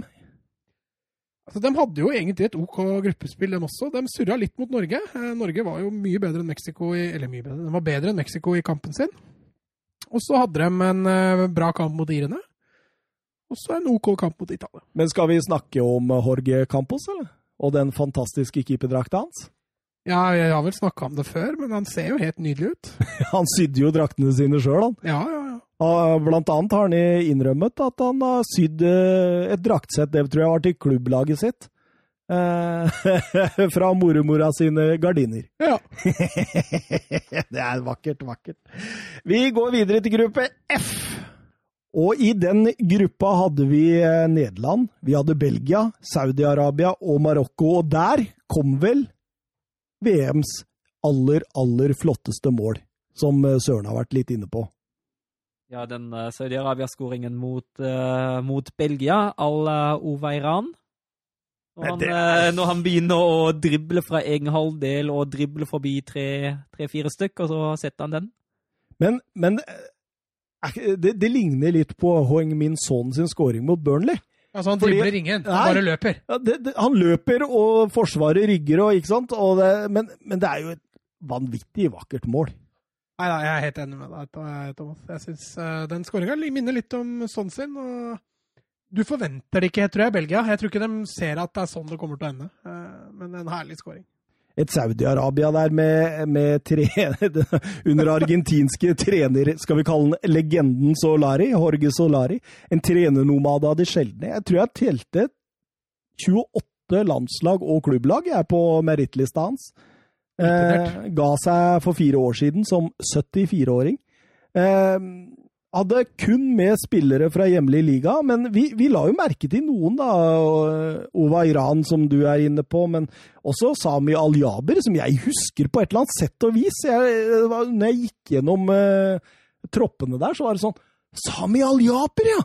Det kan godt hende jeg hadde noen Panini-klistremerke an eller noe sånt, jeg veit ikke, ass. Men eh, også har de jo keeper eh, Mohammed Al-Daya. Mm. Han eh, er jo den som står med flest landskamper, registrerte landskamper, as we speak, faktisk, med 178. I hele verden. I hele verden, faktisk. ja.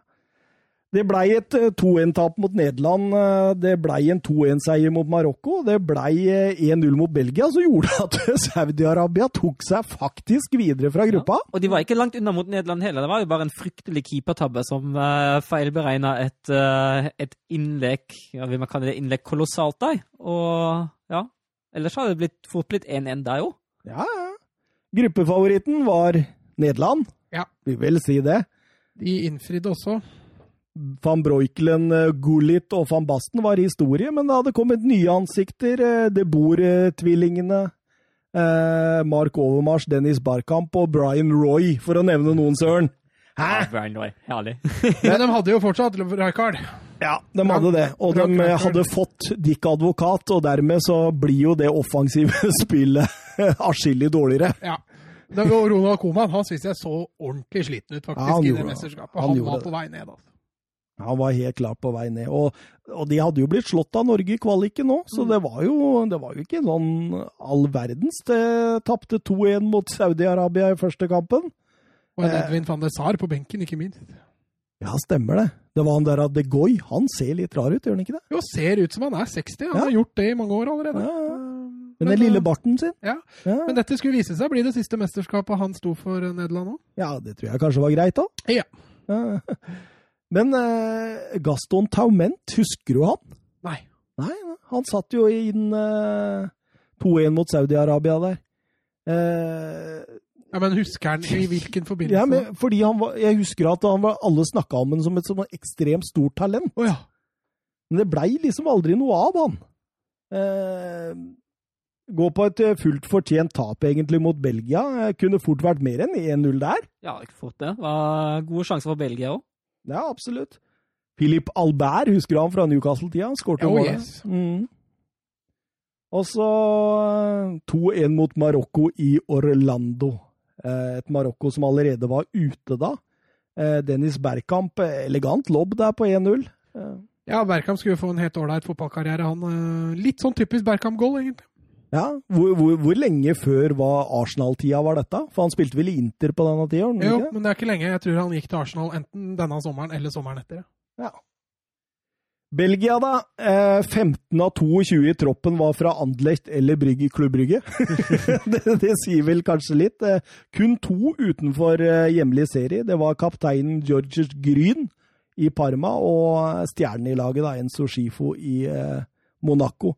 Keeperlegenden Prudom skulle jo vise seg å dra videre til nye eventyr i en alder av 35 etter VM. Han gjorde utenlandskarriere, han! Han var virkelig god òg.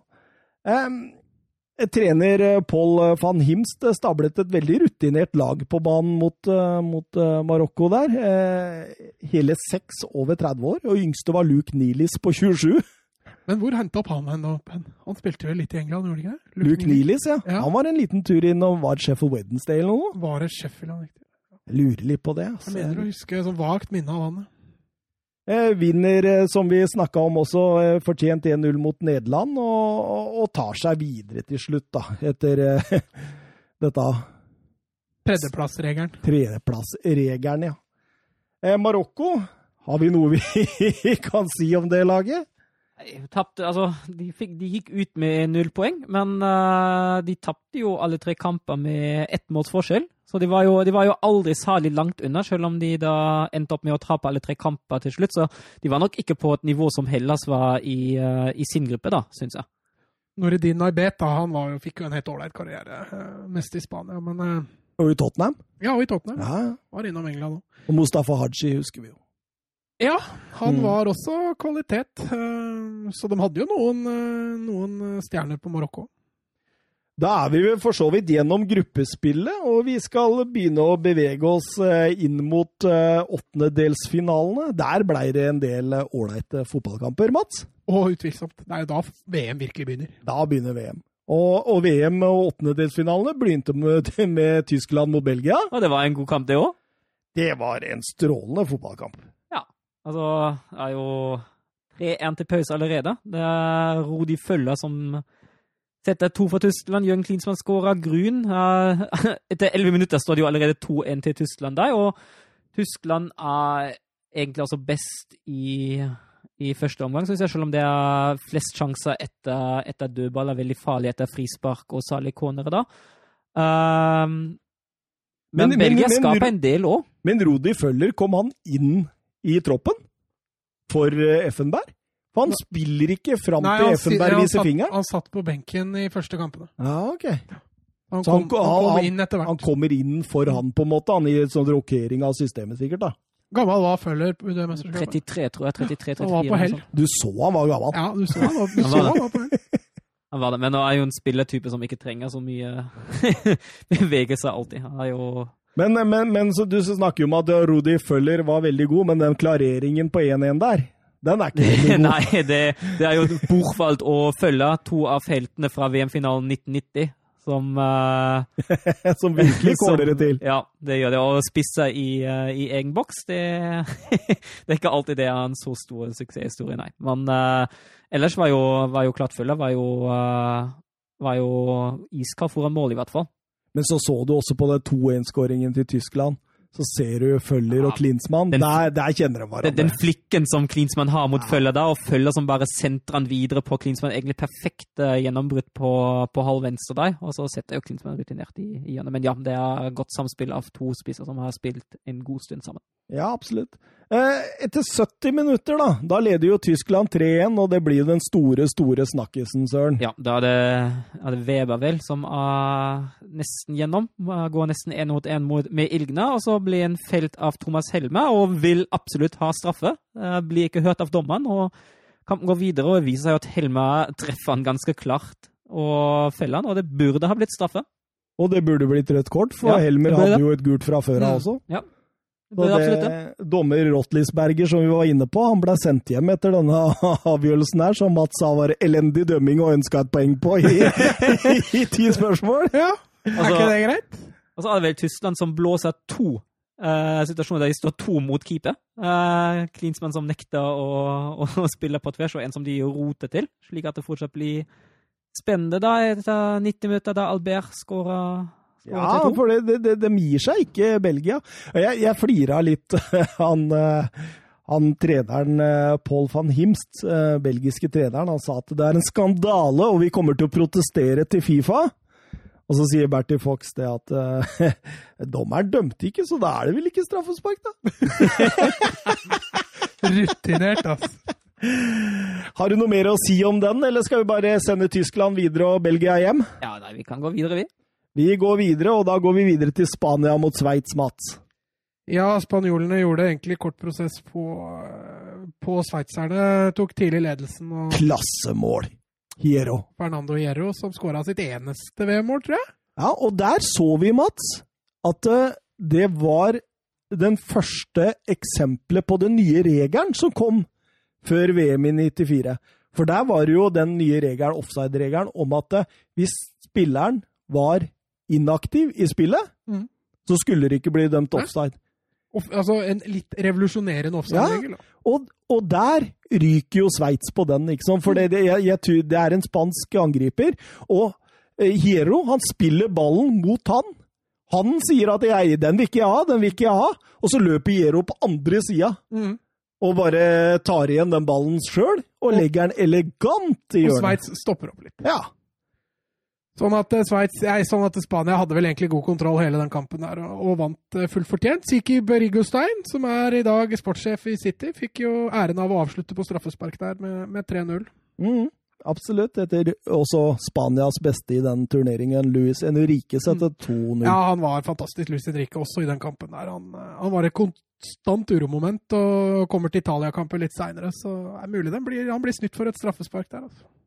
Absolutt, absolutt. Eh, Jeg ser jo det tidlig i annen omgang der. Han eh, Juan Antonio Gorgoshea han blir spilt av på blankt av Luis Henrique der, men eh, han setter den jo i stolpen. Det er, det er helt fantastisk at jeg tenkte på han Gorgoshea. Jeg må finne litt ut om han, for han, han sto at han var Barcelona-spiller. Ja, uh, ja. Og så tenkte jeg han ble solgt etter Cruyff solgte den. Kanskje det var på grunn av den der han er, for den var Men han hadde jo en vakker skåring i gruppespillet, Gorcochea, da. Ja. Eller det var et innlegg, men Ja, det, det den var dalte ned i mål, så det var Han var både på godt og vondt, han. Men eh, Sveits hadde vel ikke kjangs. Nei, de hadde ikke så mye å stille opp med. Spania har fortjent videre. Eh, Sveits ut. Eh, godt gruppespill, Sveits, men det holdt ikke lenger enn som så. Hit, men ikke lenger, var det. Saudi-Arabia, Sverige, Søren. Ja, da er det vel Sverige som tar seg greit videre. Syns egentlig har god kontroll i, i hele kampen med den tidlige skåringen ved Dalin. Så blir det egentlig først litt spennende da Saudi-Arabia skåra fem minutter før slutt, men så svarer jo Kenneth Andersson nesten rett etterpå. Det blir, det blir egentlig aldri noe særlig, noe særlig truet, den seieren til Sverige der. Den gjør ikke det. Eh, Jeg leste eh, en liten artikkel om eh, svenske landslagstrener Tommy Svensson. Han sa det at jeg synes vi så litt mette ut når vi røyk i EM på hjemmebane i 92 for Tyskland. Eh, Jeg ville passe på at det ikke skjedde igjen. Eh, Så istedenfor å si de vanlige orda foran denne kampen her, så leste jeg kun et dikt for dem. det er litt Høgmo-style her. Ja, ja, ja. Eh, eh, og så sa han jeg så rundt på spillere at de så rett og slett overraska ut. De trodde, de trodde nok det hadde snurrat litt i skollen på meg. at varmen hadde tatt knekken på meg, liksom. Men eh, det fikk dem til å slappe litt av, og de, det er som Søren sier, de hadde veldig bra kontroll på et Saudi-Arabia som faktisk hadde imponert i gruppespillet. ja da. Men eh, igjen, da, så Saudi-Arabia i den kampen her gjør jo kanskje sin dårligste kamp, da. Ja. Det var litt sånn her også med Sveits, at det var hit, men ikke lenger. Du, du kan imponere i to-tre kamper, og så er det stopp. Altså. Og Sverige hadde, som vi var inne på, et veldig bra lag. Altså. Ja, absolutt. Absolutt. Og, og når vi driver all denne researchen vi gjør, og sånn, så er vi jo avhengig av å finne diverse ting. Eh, Når vi, eh, Etter hvert når jeg skulle gå over på finalen her, så fant jeg jo ut at eh, den fantes jo ikke på eteren, i hvert fall som jeg kunne finne. Nei, ikke heller. Så vi, Jeg sendte faktisk en mail jeg, til NRK ja, du og gjorde spurte. Hva, Fikk- du svar? Fikk ikke svar. Nei, kanskje ikke i disse tider, eller? Altså, burde jo sendt meg et svar, da, for det må jo være positivt å sitte og se den kampen innendørs og ikke gå noe sted. Men eh, jeg spurte høflig om jeg ikke kunne få en, eh, Ja. få en kopi av finalen. Vi researched en podkast, men jeg har ikke fått noe svar. Men jeg, jeg fant hele kampen mellom Romania og Argentina. Så tenkte jeg en periode skal vi gjøre den til hovedkamp, for det var fotballkamp, det! Ja, det var fyrverkeri og eh, Hagi og Dumitrescu i fantastisk form. Altså. Ja, Den ikke assisten til Hagi der, Ja, den altså er det eh, er play of the tournament. Altså. Ja, jeg, får, jeg får De Bruyne-vibes av den der, faktisk.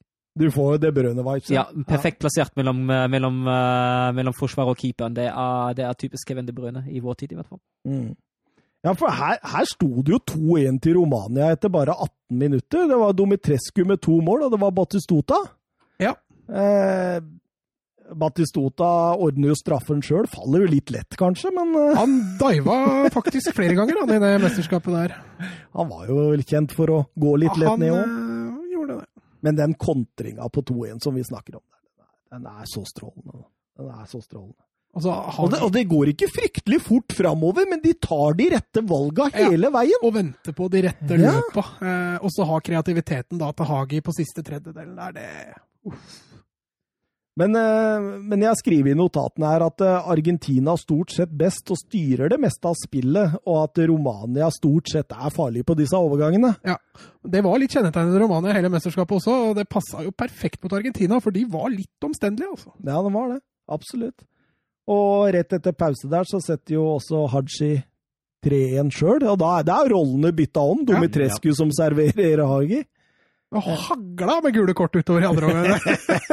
det var tydelig at det var mye som sto på spill. Altså. Ja, absolutt. Eh, Abel Balbo setter jo eh, 3-2 et kvarter eh, før slutt, og, og eh, de presser jo ganske bra på Rom Romania der. Men Romania, smått sensasjonelt, tar seg videre. Argentina ut. Mista Maradona, mista Argentina. Hva, hva skjer, Mats? Det begynner å bli så jævlig varmt her, så jeg tenkte jeg skulle ta av ommen. Ja, det er riktig. Trykk på det vel, eh, Romania hevde seg vel for 1990-VM, for da røykte de vel mot eh, Argentina i straffekonken, hvis jeg ikke tar helt feil her nå? Ja, gjorde vel det. Gjorde vel det. Hvor da? Oi, oi, oi. Romania videre, Argentina ut. Ja, det blei en kjempeskrell. Eh, på forhånd så var det ikke mange som hadde tippa Romania inn i en kvartfinale på bekostning av Argentina, og Argentina mangla jo Maradona. Det var, de var ikke gode nok til å vinne for Diego. Og det endte med avgang også for Alfio Basile, treneren til eh, Argentina. Det var ikke godt nok. Han tok jo over etter 90. Ja. Selv om jeg syns Argentina spilte mye morsommere fotball i dette mesterskapet. altså. Men etter at Argentina vant i 86, så er det nesten ikke godt nok for Argentina lenger å ikke vinne. Nei. Veldig mange trenere i Argentina får stort sett fyken etter mesterskap. For de har jo ikke vunnet etter 86. Det samme gjelder Copa America. Men eh, da spørs det om eh, disse trenerne ikke burde save først. Ja, det er akkurat det jeg ikke skjønner. Og du bør ikke save først heller, du kan bare save før hver enkelt kamp. Ja, så vinner du jo igjen. Ja, du vinner jo til slutt, men da Og særlig med Messi. Da må sette han på topp, da. Altså. Ja, det var litt trøbbel her, da, for Messi var bare sju år, men eh, Ja. Du hadde jo en Maradona. Hvis du hadde sava før den tredje kampen der, så er det ikke sikkert han hadde Jeg hadde ikke blitt tatt på efedrinen der. Nederland-Irland 2-0. Nederland favoritter, eh, men et hanglete gruppespill gjorde at det var en viss usikkerhet, eller? Ja, det var nok det, men de tar seg vel greit videre i den kampen. Det er egentlig ikke, ikke, noe, ikke noe fare for den seieren der heller. Det er trygt og kontrollert. Særlig Ja, så får de en, den gode starten. ja, de får, særlig at de får den tidlige scoring. Ja. Manchester er. Citys uh, Terry Feelen der, som uh, nærmest serverer overmarsj. Ja, og Berkham setter den inn der, og det er eh, Etter det så er jeg enig med Søren. Nederland har egentlig god kontroll, og de mangler kreativiteten i Irland, og det ser du i den kampen her. At de har ikke den kreative typen til å åpne opp. Og så har de en keeper med Zalo-hansker, så da Han har en boner òg. Ja, han, eh, han røyk, han. Ja. Han spilte vel sin nest siste landskamp akkurat den kampen der. men Det var en kjempekeepertabbe. Ja, herregud. Den største Altså, jeg syns generelt fra 1990 har keeperne tatt seg, tatt seg litt opp. Eh, selv om det fortsatt er mye rart, som eh, særlig i feltet. Men sånne kjempestore keepertabber på streken, det er ikke sånn supermange. Det handler mest om plassering og spill i feltet. Men akkurat den der syns jeg er den største i hele turneringa. Ja, og ifølge Aftonbladet er det en av VMs-historiens største keepertabber. Ja, jeg kan se den. Mm. Eh, dette var også, som jeg var inne på, starten på slutten for Pat Bonner i Irland-målet. Spilte vel kun én kvalikkamp til EM i eh, 96. Det var Sheffield Uniteds Alan Kelly som tok over i buret etter det. Eh, Nederland, greit videre. 2-0. Eh, og så kom vi til Brasil, som skulle opp mot hjemnasjonen USA. Selveste Brasil til 4. juli-oppgjør. Altså det, det blir jo som om vi skulle tatt imot eh, Brasil på hjemmebane i Norge 17. mai. i et VM. Åh. Og det var jo eh, Altså, kampen! Jeg, jeg, jeg satt og tenkte på det. Det var nesten litt som en sånn amerikansk Hollywood-produksjon, hvor eh, underdogen skulle ut mot de uovervinnelige. Eh, I disse filmene så klarer jo, selv, eh, klarer jo alltid underdogen å gjøre det. Men dette var virkelighet. Her styrte Brasil fra eh, Altså fra første minutt. Ja, de gjorde det. Altså, det er jo Leonardo som uh, gjør jobben litt vanskeligere. Med Ja, det var det jeg skulle fram til. Får Ja. vel en utvisning rett før pause Ja. der, så de spiller jo Det, det, er jo, det er jo så idiotisk å slå med albuen der. Altså, det, er jo en, det er jo rett og slett ubehersket. ja, Men allikevel, selv med ti mann, Ja. så er Brasil det beste laget. Ja, Ja, de styrer jo alt. Ja. De gjør det. Og øh, ja, Brasil vinner fullt fortjent. Bebeto får øh, en av sine tre mål, eller noe sånt. Det er ikke det han skårer til slutt. Jo, det, det, det er fint mål. Romario som avanserer fra midtbanen der, da har han vært dypt og henta Ja. det vi drev og snakka om. Og så trekker han på seg så mye oppmerksomhet, så mye at Bebeto bare nesten blir litt glemt. En pasning rett ut litt høyre, og Bebeto setter den og 1-0, og Brasil er videre. Enkelt og greit. Rett for slutt så får vi også kampens eh, andre røde kort, når eh, Fernando Claveo eh, sender Romario i bakken. Som bakerste har gult fra før, og får sitt andre. Ja, kunne fått det blitt direkte rødt der òg. Ja, det kunne jo det. Faktisk. Men som Thomas Helmer, så I motsetning til Thomas Helmer. Tom, Ja, han klarte seg fint, han. Nigeria-Italia. Nigeria er litt uheldige vant gruppa si, og så var de så uheldige at Italia røyk på en, eh, på en tredjeplass. Og så var de litt uheldige med tanke på at eh, de leder jo lenge. Så at tar det to minutter før slutt, da Roberto Baggio dukker opp og utligner. Og ballen jo fint ut 45 der også. Ja, han gjør det. Men, men skal, vi, skal vi snakke røde kortet til Gianfranco Sola, eller? altså, det, det- det, det må være en av VMs-historiens eneste røde kort hvor du ikke er nær spilleren i det hele tatt. Ja, den er, den er brutal, hvis vi kan si det, si det sånn. Og så ligger du allerede under 1-0, altså det blir den, blir den greia der. Og så hvis Roberto Baggio hadde en liten skade, så hjalp ikke det å spille 120 minutter der, altså. Nei, Men, det eh, gjorde ikke det. Det gjorde ikke det. Og så var, var vel Maldini heldig, fordi han, eh, han holdt vel uh, Yikini som sistemann og ble ikke utvist. Så jeg kunne ha fått en blitt en utvisning Det var mye rar dømming her, altså. Ja. i dette flere matcher hvor det var litt spesiell Ja. dømming. Eh, Du så det også i de kavalkadene man kunne se igjen, at de kommenterte dømminga litt. Ja, men det, det, det kan man egentlig forstå, fordi det var et par ganger der jeg tenkte også, spesielt i semifinalen jeg husker Jonas Tern og litt sånne ting. Jeg bare, what? Men, men eh, når jeg sitter og ser på NRK nå, og de gamle VM i, i, VM i 86 og VM i 2, og de har gått gjennom litt sånn. Ja, og så sitter du og ser i studio hvordan de, kom, de kritiserer dommerne. De er så snille med dommerne. Ja. Altså, De kan ikke kalle det kritisering engang. nei, Altså, den var litt sånn Ja, dommeren var kanskje litt svak. Men, og så har han snytt dem for et straffespark. Hadde det vært i dag, ja, ja. så hadde de høvla over disse dommerne. De hadde ikke turt. Og se på Øvrebø, har ikke. It's a disgrace! It's a disgrace! Og sånn finner du jo ikke i dag. Og det er jo for så vidt en ting positivt, som med VM i 90 òg, hvor sjelden de flokker seg rundt dommerne.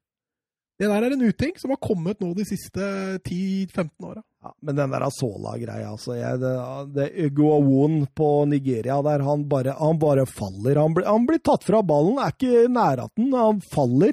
Og det, det, det, er- det var Næraten, næraten. Var det, er det feil, Er det eller? Rjukan-dialekt, Det er sikkert Rjukan-dialekt, jeg vet ikke. Jeg har sikkert noen sånne. Han var ikke nære at Næraten. Er det er, er, Nei, jeg skal ikke spørre hva det Det er på tysk. Ned. Ne- I nedfond? Den nedfond, ja. Oh, Veldig bra. hørte du det, Mats? ja, det Men, men det er jo samme nigerianske spilleren som eh, feller eh, Benarivo på straffespark i ekstraomgangene. Ja. Så det var litt deilig, egentlig, at han fikk den. Ja, det var det. Eh, Baggio, som jeg syns kanskje var VMs beste spiller. Han var, det var, jeg så. eh, han var fantastisk, og mye av grunnen til at Italia er litt overraskende i en VM-finale. Men, men tenk det, ja. Nigeria leder kampen etter 15 minutter. Italia får det ikke til i det hele tatt. Sola utvist, det går lakker og lir mot 90, og så får du den skåringen. Roberto Baggio rett før slutt, Mm. som gjør at du får ekstraomganger. Og så avgjør han i ekstraomgangen nå. Det er, eh, det er klasse Helt. av mannen med det noe spesielle håret. Ja, han har sånne tre rottehaler. Ja, det var et eller annet veldig rart der, altså.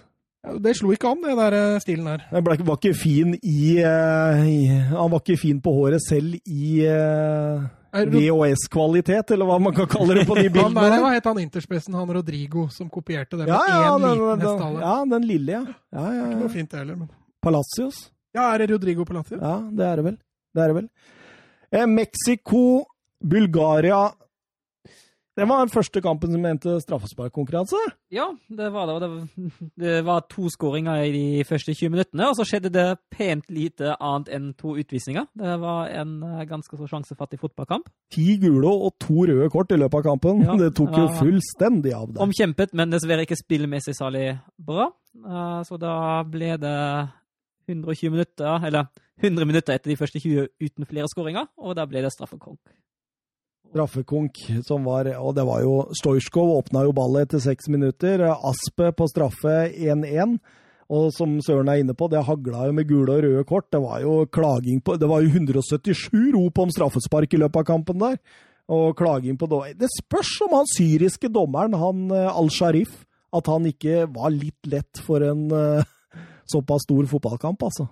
Ja, han var eh, litt for stor for kampen, for å sitere Arne Skeie. Ja, Han, eh, han, han har sagt det. eller han var litt for liten for kampen. Kampen var litt for stor for han. Ja.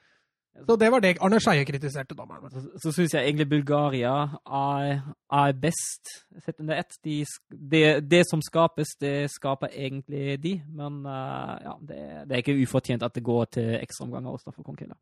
Nei. Og der uh, er den avgjørende vår skallede 26-åring Jordan Letsjkov. Ja, han setter siste straffe i krysset etter Ja. at uh, Mikhailov redda to. Uh, så klarte jo Garcia Aspe, som var så trygg etter 18 minutter, å blåse den første straffen langt over mål. Det var en del straffer i det VM her som gikk over. Ja, Ja. det overrasker mange. Må lære å sette dem opp, vet du. Det er klart, Nå husker du bare VM-finalen veldig godt, da, men hvis du husker tilbake fra Sverige-Romania, straffekonken og, og den her Og så var det mange som gikk i krysset òg. Ja, Ja. blitt mer bevisst på å skyte høyt. Nå er vi i kvartfinalen. Nå er vi i uh, Italia mot uh, Spania. Ja. Oi, oi, oi. Da begynner vi å snakke fotballkamp. Oi, oi, oi. Da begynner vi å snakke fotballkamp. Italia med en nydelig midtbane her. Eh, Dino Baggio, Albertini, Conte og Donadoni. Eh, Spania har historisk slitt i VM, eh, selv om liksom Altså, jeg følte jo, jeg har vært litt inne på det tidligere, at de savna den målskåreren. Han som kunne sette mål altså Nå er de jo i nyere tid. De har jo hatt Raúl, de har jo hatt Torres. Jeg sier ikke at det er eh, tomt for, for eh, Og David Villa, ikke minst. For eh, spanske spisser. Men i denne tida her, og så også i 90, de sleit litt med, med alternativet alternativ på topp, ja. Jeg er også helt enig. ja, De har slitt i VM veldig. Eh, I 1994, eller egentlig før 2010, har de vel hatt én semifinale, og det var i 1950. Ellers har de aldri kommet til semifinalen. Men, men Spania har slitt litt med at det er jo et splitta land. Eh, mange regioner. Eh, er du fra Bilbao, så bryr du deg ikke om det spanske landslaget. Er du fra Catalonia, så bryr du deg ikke om det spanske landslaget. Så interessen i Spania har jo vært så som så, men eh, spanjolene har slitt fælt med å komme langt i VM-sammenheng. Og EM-sammenheng, for den saks skyld. Dino Baggio setter i 1-0 etter eh, 25 minutter. Nesten stillestående, eller? Ja. Får dreis på den kula! Fantastisk treff, altså. Eh, Subisareta er lang, men der rekker han ikke fram. Nei, bør er ikke kanskje ta ta er ikke noe Thorstvedt. Nei, bør ta den. Jeg, jeg vet ikke, den- Den har en sånn ekkel skru mot lengste hjørne, så jeg vil ikke si at han burde ta Jeg tror det skal en jævlig god redning til for at den skal ta. Tror du det, altså? Ja, Ja. Tror du Ter Ter Stegen hadde tatt den? er vanskelig. Altså Sånne ekle skruer. vet du, Keepere vil ikke ta sånne ekle skruer. ikke sant? Nei. Og Mats Hummels hadde blokka han. Men Solskjær han hadde ikke fått sparken hvis den hadde gått inn. altså. Det kan jeg love deg. Eh, Jevn kamp. eh, 1-0 til Italia ved pause. Rett etter pause så får vi jo denne Tassotti-Enrique-situasjonen. Ja. Den som gir Tassotti åtte kampers karantene. Eh, men som han ikke får et gult kort for en gang i løpet av matchen. Der, men han, han, han kjører albuen totalt bevisst rett opp i trynet på Enrique, som brekker eh, nesa. Mm. Eh, forferdelig å se de bildene av Henrike der. Han ser helt eh, skamslått ut. Ja, Litt tidligere i matchen så hadde jo Henrike i mine øyne i hvert fall blitt snytt for en straff også, selv om altså, han overspiller situasjonen så veldig. Det er det som ødelegger for han. Jeg tror dommeren ikke vil la seg lure. Eh, Men eh, den situasjonen der er jo helt horribel. VAR der hadde jo takk og farvel under kampen òg. Og i likhet med, med både Norge og, og Tyskland hadde jo Spania et lite kompleks mot Italia i mesterskapssammenheng. Spilte mot dem fire ganger, klarte aldri å vinne. I hvert fall før 2008, og da de møtte dem i EM i 2008, før kampen der, tok, tok jo spanske, spanske aviser opp bilder av Luis Enrique med blodoverstrømmet fjes, og, og det fra, det 99 fra 1994-VM. I forkant av kampen. Du fyrer opp gutta, liksom. Ja. nice. Etter rundt timen så utligner eh, spanjolene. ja toppskårer Caminero. Han, eh, Atletico Madrid-spilleren der. Stemmer det. Han blåser litt liv i dette her. Um... Når vi ikke har spist, så får jeg gjøre det. ja. Det er vel Altså, det er litt tur der, for jeg så ikke hvem det var som ikke klarte å dempe ballen for Spania der, men han ender opp hos Caminero, som står på bakerste. og Fin via, Ita Via en italiener via så setter. Paulioca helt ut. Ja, og han ender i mål, og det er fin, fin scoring. Ja, Selv om det er litt tilfeldigheter som gjør at det blir skåring. Etter dette så roper jo lagene søren på hvert sitt straffespark. Eh, første er jo Conte mot eh, Enrique-situasjonen, og den andre er eh, Albelardo Fernandez og Masse, Masserano, er det det han het? Han spissen til Italia? Masaro. Masaro er han het, ja. En ganske ukjent uh, spiller ja. sånn egentlig, så han spilte for Juventus. Og så fikk han en del kamper i VM. Ja. Holdt jo Sola på benken, og, og gamle Casiragi, ikke Lazio, minst. La, Lazio, nei. Ja. Jo, det var Lazio. Men det ser veldig straffe ut i Massaro. Ja, det gjør det. Det gjør det, altså. Eh, Italia er jo best utover i kampen der, syns jeg, etter hvert også. Eh, og det gikk mot eh, ekstraomganger, men så ja, det var vel i 88. eller 89. minutt eller noe sånt, når eh, Roberto Baccio eh, Bra signori der, som på ett touch for, eh, for Det er vel Dino Baccio som spiller ballen framover, og så er det på Han rekker den akkurat foran den spanske midtstopperen. Ja. Og på ett touch over til Baccio, som kom jo alene mot Subisareto. Og Roberto Baccio han har avgjort for Italia før. Ja. Og det igjen i uh, sluttminuttene. Deilig når han runder eh, Subisareta der, og så på skrått hold. Ja, og så kommer det faktisk en inn på streken der òg, så det er egentlig litt klønete han forsvarsspilleren og ikke greier å klarere den, faktisk. Det er vel han nevnt al Abelardo? Ja, jeg tror det. Nederland-Brasil. oi, oi, oi. Småkjedelig første omgang. Ja, det skjedde lite, egentlig. Men det tar seg jo voldsomt opp i, i andre omgang. Ja, fordi altså Det var denne kampen, Mats, hvor Terry Venables satt og hadde Var det denne? Ja, ja, ja. For uh, Terry Venables, han uh, mente jo først uh, taktiske analysen hans i første omgang, det var at Brasil de var dårlige fordi de spilte i blå drakter. ja, da har du gått, da har du gått dypt i, i analysen din. Ja, For det var jo rett og slett ganske dårlig der. Ja, men Nederland òg. De, de, gikk liksom så bevisst inn på å ødelegge. Ja, men Nederland vet du, de hadde jo et lite drama de i forkant av denne kampen. Fordi de skulle jo ta fly eh, til Dallas. Men de kom eh, mye senere til Dallas enn antatt, fordi de satt eh, i samme fly med en journalist, en nederlandsk journalist, som hadde spøka om at han hadde en bombe om bord. Ja. så, så, dette flyet det, det Kom han journalisten seg til Dallas? Nei, jeg tror ikke det. Og jeg tror også at eh, det, altså, de tok det på alvor, for å si det sånn. Ja. Du kødder ikke med sånt. Luting å si på et fly, ja. Mm. Det er deilig, vet du. Det er deilig. 0-0 eh, til pause. Rett etter pause, Romario. Eh, Rijkaard, svak ball framover der. Brytes av Aldair. Skikkelig. Også er jo Brasil en nydelig langpasning på ut på venstre kant. Eh, så er det vel er det Bebeto som, som går liggende på tvers, og så har jo Mario egentlig en enkel jobb med å sette den der. Ja.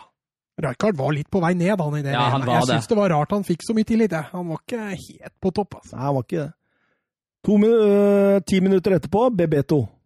Ja, da er det keep, keeperens utspill som uh, kommer omgående tilbake. Ja, det, det, tok elleve sekunder ja. fra det går slipper den ballen til ballen ligger ja, i baken. Men, men, det ser nesten ut som at de prøver å spille på en offset-felle. Det blir jo helt stillestående, men det mislykker i hvert fall fullstendig. Og da denne gang er det Bebeto som setter den. Kommer alene ved keeperen. Og da kommer vuggefeiringen. Den blei kjent. Det var vel en baby på vei? Ja, det var en baby på vei, og ja. den babyen heter Mateus Oliveira og spiller i dag for Sporting Lisboa. Ja. Mm. Så all heder for den skåringen gikk altså til uh, Mateus. Ja, Mateus Oliveira. Eh, 2-1, da. Bergkamp. Ja. Han var jo god i denne turneringen, Dennis Bergkamp. Ja, han var det. Ja, Men altså, han har litt tur. Jeg har godt oppfatta at de tar det innkastet innkast framover i lange. Men så har han jo litt, litt, held, en litt heldig mot et forsvarsspiller. Det er en 50-50-situasjon som også fort kan ende opp hos, en, uh, hos den brasilianske spilleren, og så setter han rutinert i mål når han først får ballen. Og da kommer eh, Terry Venables inn i bildet igjen og sier det at eh, dette er egentlig første gang Nederland prøver å angripe mm. Brasil, og at han var svært negativ til tilnærmingen Dick Advokat hadde til kampen. Ja, men på en annen side òg, da. Jeg tror fort den tilnærmingen der hadde fungert mot veldig mange andre lag i den turneringa der, bortsett fra et Brasil i perlehumør. Mm.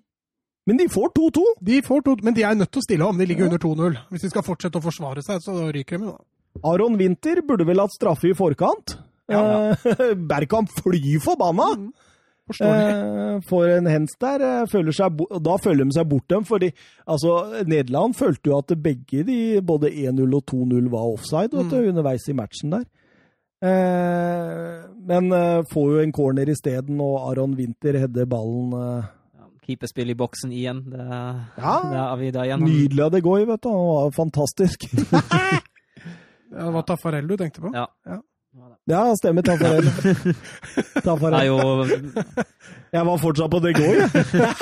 Ja, for han var ikke med opp ennå. Nei. Nei, Av- Avinta som slår Taffarell i kampen om ballen der. Kommer rett og slett for seint. Og vin vinter er ikke veldig høy heller. Nei, det er ikke det. Det er, det er snakk om å feilberegne. Ja, det er det. Og ja. Nei, som sagt, jeg er ikke særlig imponert over keeperspill i, i boksen i dette mesterskapet. her.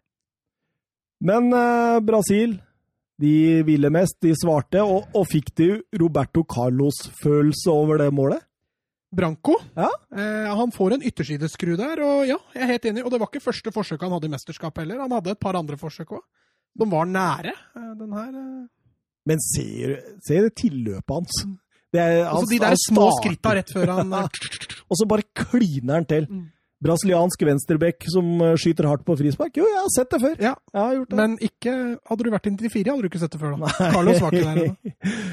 Dunk 2-3 og Brasil videre. Det var bare ni minutter før slutt eller noe. Og så var det fortjent. Eh, enig med Venables om at Nederland de prøvde ikke så mye i den kampen her, og da det er litt greit å se fotballen vinne.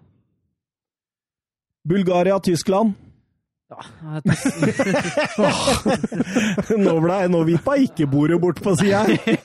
Nei, det var men, men altså, man trodde jo i Tyskland at nå, nå hadde man slått Belgia med en uh, delvis ganske bra fotballkamp, og så nå kom man endelig i gang. Og så skulle man jo Bulgaria var jo ikke noe storlag, eller er jo ikke noe storlag i internasjonal fotball, så da trodde man egentlig at en kvartfinale mot Bulgaria den skulle gå sin vei.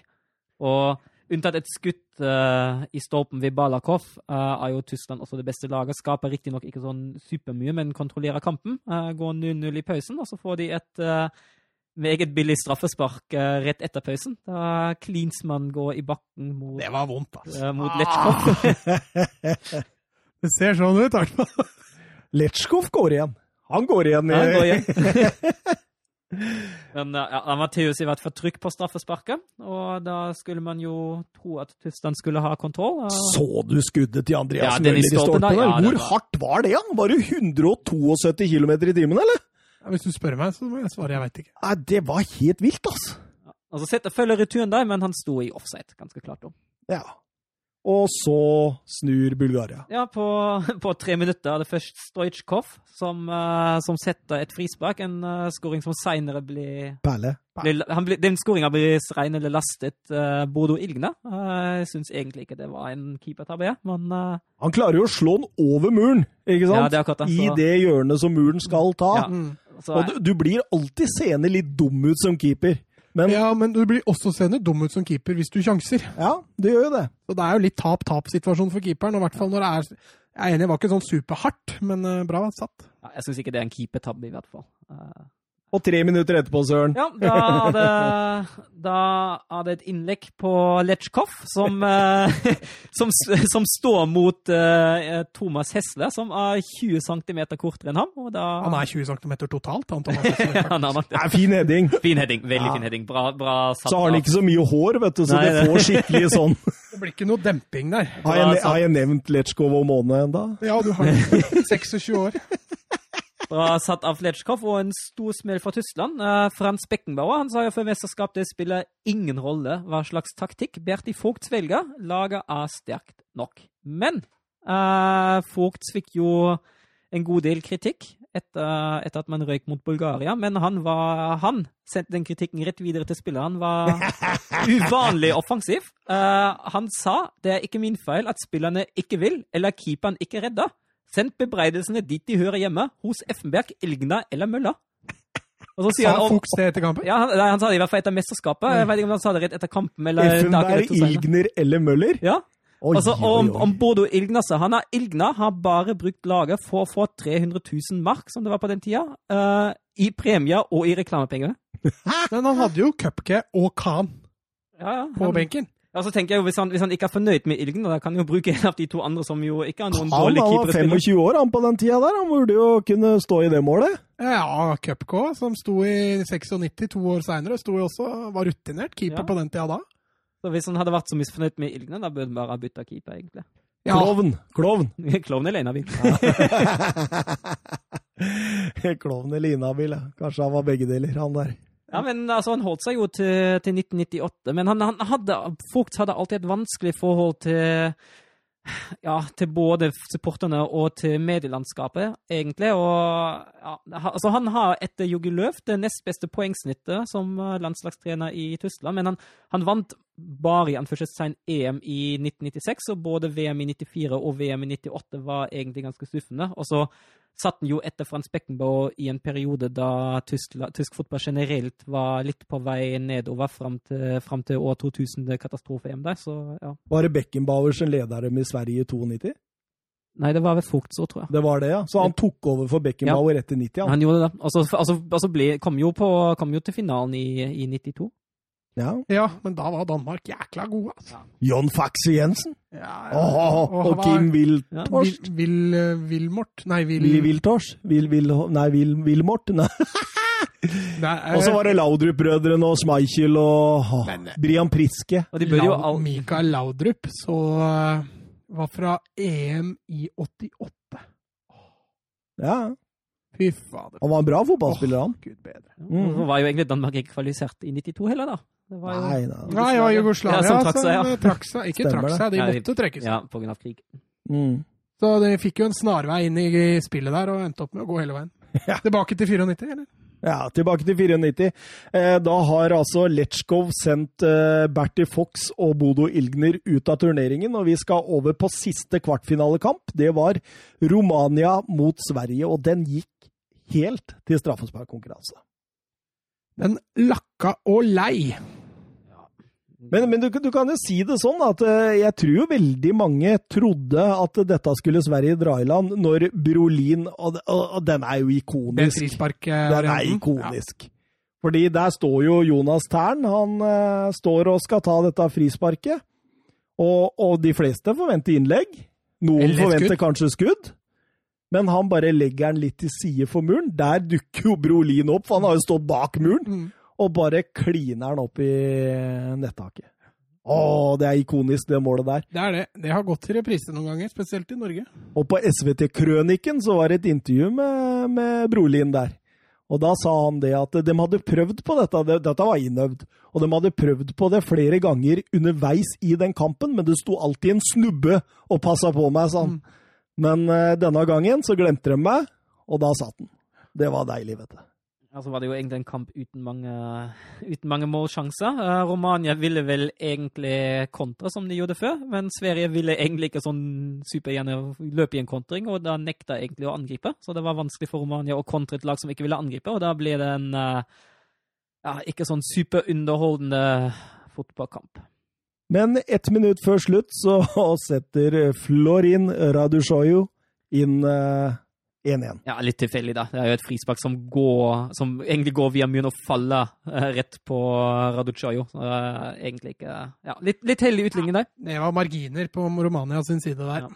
Det var jo det at det blei hele tatt en ekstraomgang, og, og de skårer jo etter seks minutter av ekstraomgangen nå. Det er et kjempesurr i det svenske forsvaret. Patrick Andersson der som takler ballen til Radushoyu, som bare setter den nydelig i mål. Rundt 16 på Ravelli. Mm. Men så syns jeg også at Romania egentlig er best i, uh, i ekstraomgangene, i, i begge de. Uh, men uh, litt ut av det blå utligner Sverige likevel. Og den uh, romanske treneren var misfornøyd i, i etterkant. Han sa at egentlig er vi flinke til å holde på ballen og dra dette i land, men nå overdrev vi her eh, etter 2-1 og spilte egentlig ikke det vi skulle. Ja, og Stefan Svarts han får jo et rødt kort der òg. To Ja, gule Ja, det var strengt. rett minuttet etter, ja. Altså, det er strengt andre gule kort, mener jeg. Altså. Så det de, de, altså, Tenk da, da, da liksom Da hadde du sluppet inn det målet rett før. Mm. Og så slipper du inn et nytt mål, og så får du svart rødt kort ett minutt etter at de setter den. Og da å kunne reise seg der, det er sterkt, altså. Ja, da er det på 2-2-målet jo igjen den keeper som er dårlig i feltet. Ja. eh, Sverige vinner eh, 4-5 dem på straffesparkkonkurranse. Ravelli redder eh, fantastisk eh, fra Valencia-midtstopper Beledorski, faktisk. Og der er jo den situasjonen jeg Spyttinga. snakka om. Ja. Fordi når Domitrescu setter straffa på Ravelli der, så går han bort til ham, peker på han og sender en spytteklyse mot han og går igjen. Og det, og det viser seg at det var på grunn av at eh, Ravelli hadde klaga på han i forkant i tidligere i matchen da, for en filming. Så vi fikk en spytteklyse i 94 òg, Søren. ja. Vi må leite godt i 98 for å finne en. Men... Ja, vi, vi må prøve å leite. vi må finne. Vi må finne spyttinga. Kanskje det er en som spytter på trening før kamp eller et eller Ja, kanskje kan- det.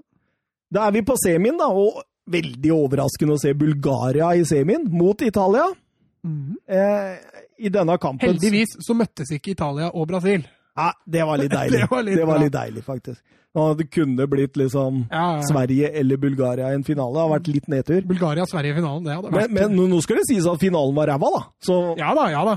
kanskje vi hadde ble snytt for en bedre finale. Det veit vi ikke. Men jeg syns jo i denne kampen her, da, så kom jo det kyniske Italia fram.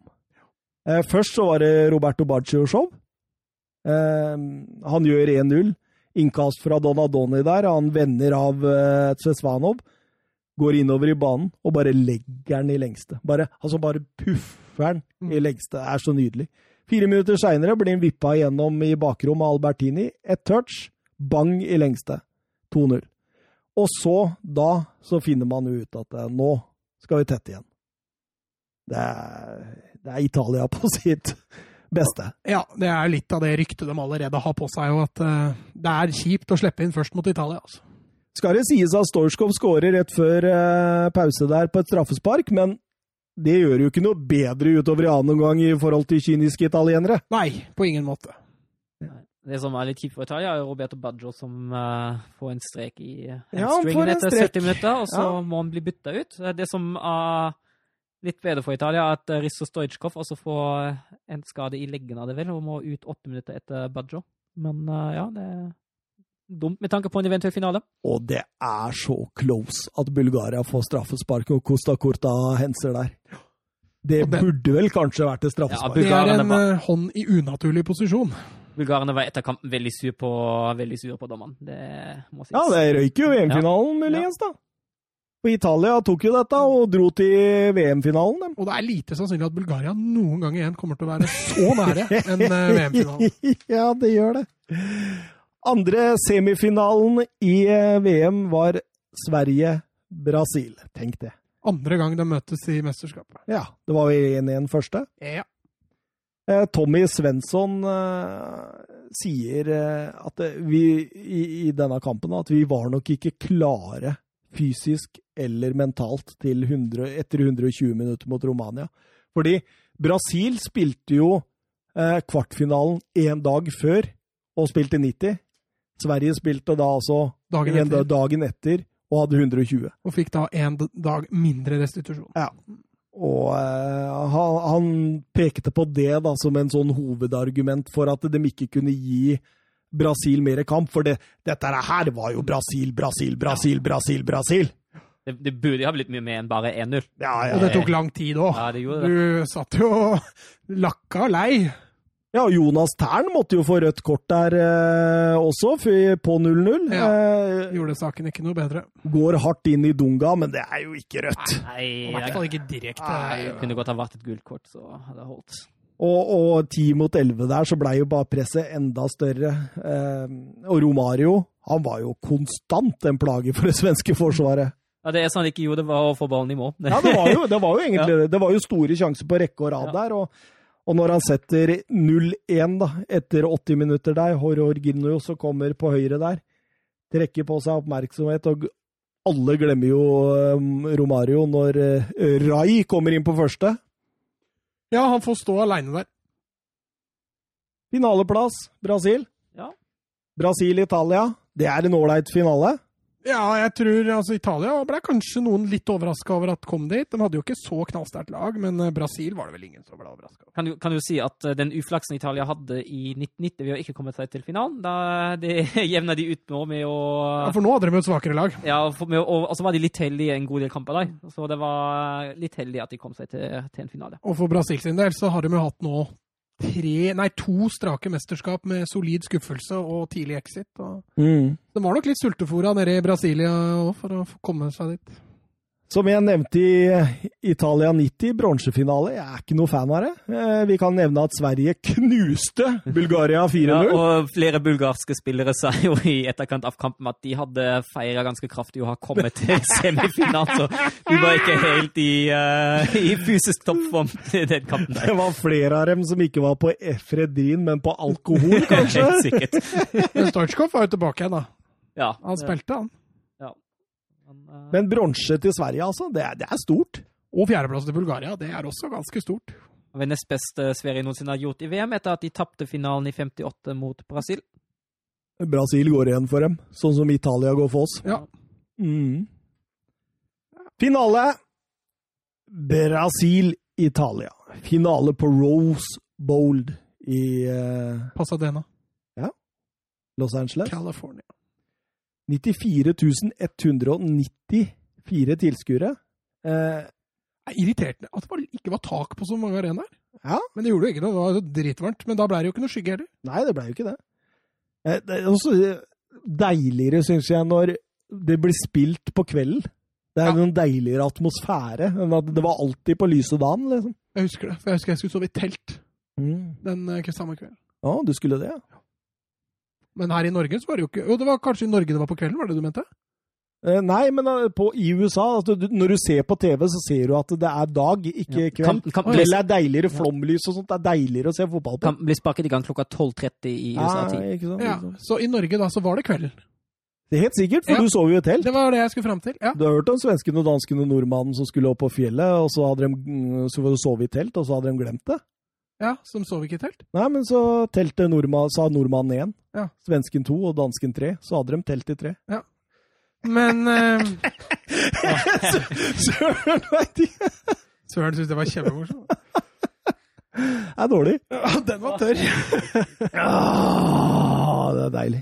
Eh, reprise av eh, VM-finalen fra 1970, dette, i Mexico.